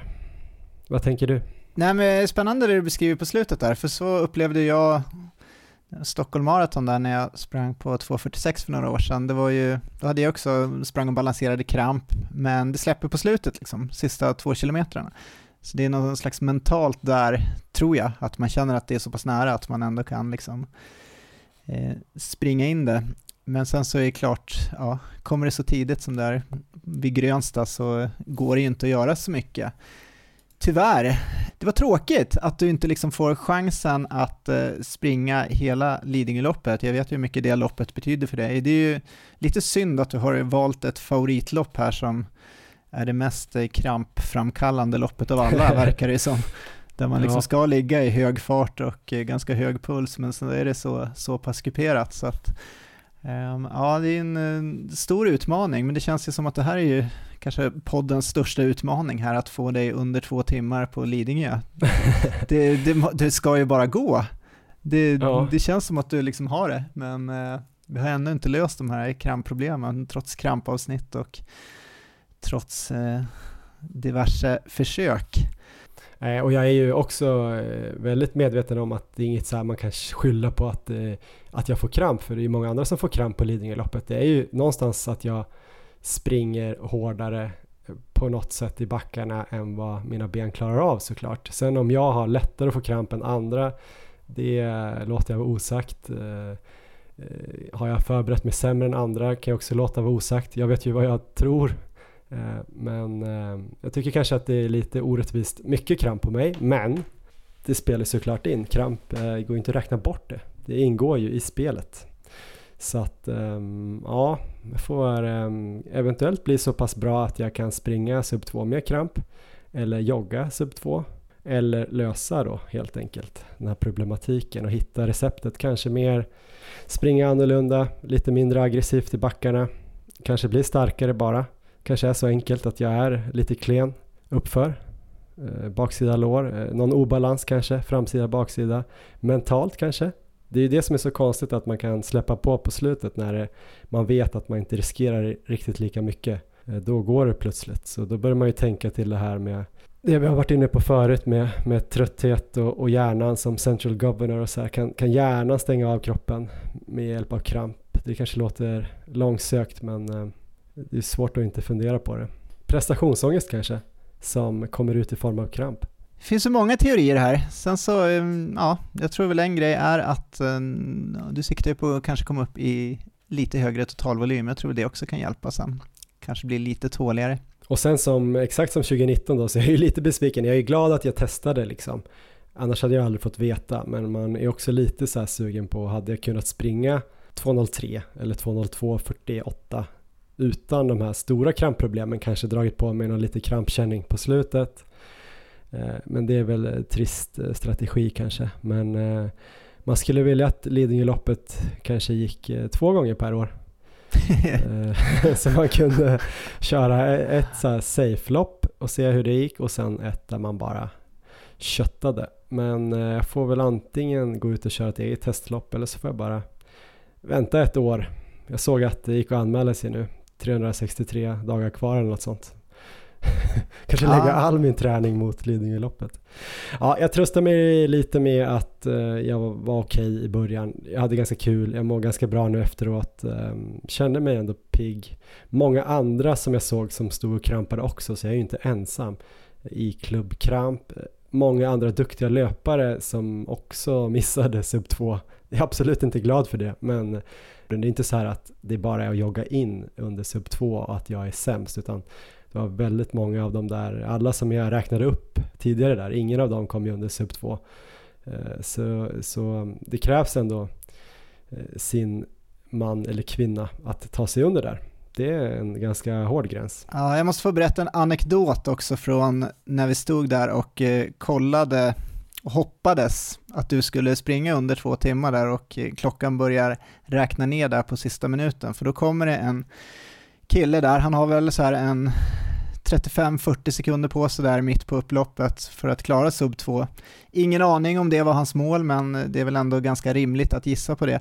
Han är plågad, man ser att han är plågad och eh, han börjar gå där mitt på upploppet. Han försöker börja springa, men det går liksom inte. Det är, där, där snackar vi verkligen kramp och eh, allt möjligt. Så att han går, folk ropar och skriker på honom där och klockan liksom eh, rullar på. Men till slut så, ja, han ramlar ihop där, kryper fram, försöker liksom ta sig upp, men ja, det tar väl en 30 sekunder, 40 sekunder och sen så, ja, han ligger där. Till slut så tar han sig upp i alla fall, han ligger mitt på upploppet där och börjar sakta gå och jogga in mot eh, målet där och kommer i mål sen på två timmar och 30 sekunder till slut. Men eh, ja, där, där, var det nära, men där sprack det på de sista hundra metrarna bara. Det var, det var plågsamt att bara kolla på det. Ja, jag vet inte om jag hellre hade gjort det alltså, för det hade ju blivit episkt eh, misslyckande i poddens historia. Men eh, däremot kan det vara målbilden att ha en sån finish, men precis komma in under sub 2. Att jag kryper över mållinjen. Ja, det får vi ta nästa år Johan. Ja. vi får se hur det blir. Eh, tack alla som kom fram och snackade och sa hej och eh, uppmuntrade mig innan eller efter loppet. Eh, alltid lika kul att träffa så mycket lyssnare på de här stora loppen. Och kul att du kom och hejade på mig Erik. Du såg pigg ut tycker jag. Så att vi får väl få igång dig på träning snart. På tal om det, vi lämnar det här nu. Det blir ett långt avsnitt. Lite framåtblick, snabbt. Vi får nog snacka mer om det i nästa avsnitt tror jag, när vi har smält de här misslyckandena. Men eh, kommer det bli någonting mer, eh, något lopp här för dig i höst tror du? Vet inte, jag ska se hur liksom benen svarar på när jag kan eh, sakta trappa upp träningen här. Så mitt stora fokus nu är väl att eh, smyga igång och sen komma in i det här träningsupplägget som jag har pratat om. Ett eh, Nils van der Poel-inspirerat upplägg där jag ska springa väldigt mycket och också cykla en del. Måndag till fredag helt enkelt, vara ute i en himla massa timmar tänker jag mig. Och då har jag en liten, eh, så här, ett önskemål till eh, alla lyssnare här, eller kanske om det är någon lyssnare som eventuellt skulle ha kontakt här med eh, kanske någon, eh, något cykelmärke, eventuellt jobbar på det eller liknande. Kanske någon som bara har en cykel här som bara står och inte används, så är jag väldigt intresserad av att få till, eller att få tag i en eh, hyfsad cykel här att använda till träning. Jag ska absolut inte tävla på den, utan jag skulle behöva en eh, cykel helt enkelt till det här projektet. Så har ni någonting intressant där så hör av, hör av er till mig så har ni inte kvar den här uh, tandemcykeln då från Biltema som du och Jörgen cyklade med till Österrike från Uppsala 2008? Eh, tyvärr har vi inte det, så att eh, det är därför jag behöver en ny. Den hade Du hade varit... kunnat haft med Leon eller mig där bak som coach. Hade vi kunnat bara suttit och druckit grädde och kolla när du tränade och gett dig lite grädde då och då. Som Ja. äta glass, Så- åka till Så vi Ikea kan vi lägga till glass. det. Har någon en tandemcykel så kan det också vara intressant, så kan Johan sitta och coacha mig där bak. Ja, det Så, det. Det är mitt önskemål och det är mitt eh, upplägg här framöver. Själv då Johan, du har ju redan pratat om Valencia. Står det fast och eh, hur laddar du om för det? Ja, jag vet inte. Jag tror vi måste prata om det här i nästa avsnitt. Eh, inte skitsugen just nu med tanke på vilka problem jag kommer få där också efter 30 kilometer. och eh, 2.39 som jag pratat om tidigare känns så otroligt långt borta. Eh, så antingen måste jag komma på en tanke som är väldigt positiv att jag skulle kunna träna för 2.39 eller att jag kan hitta något annat mål, typ 2.42 eller 2.45 eller att det skulle vara kul att åka ner och köra en mara eller sådär.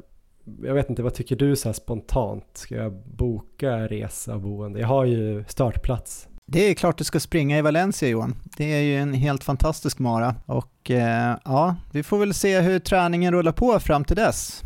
Alltså du kan ju, du kan ju ha som drömmål 2.39 här.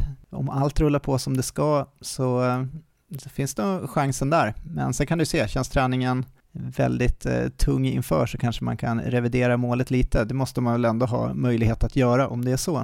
Nej, men jag får väl se. Jag är sugen på att springa något millopp här nu inom de närmsta veckorna. Det går ju några fina millopp här. Eh, Hässelbyloppet, Täljeloppet, Djurgårdsvarvet, den här nya tävlingen som Fredrikshof har. Någon av dem funderar jag på att springa och eh, se om jag kan passa på milen när jag återhämtat mig från det här.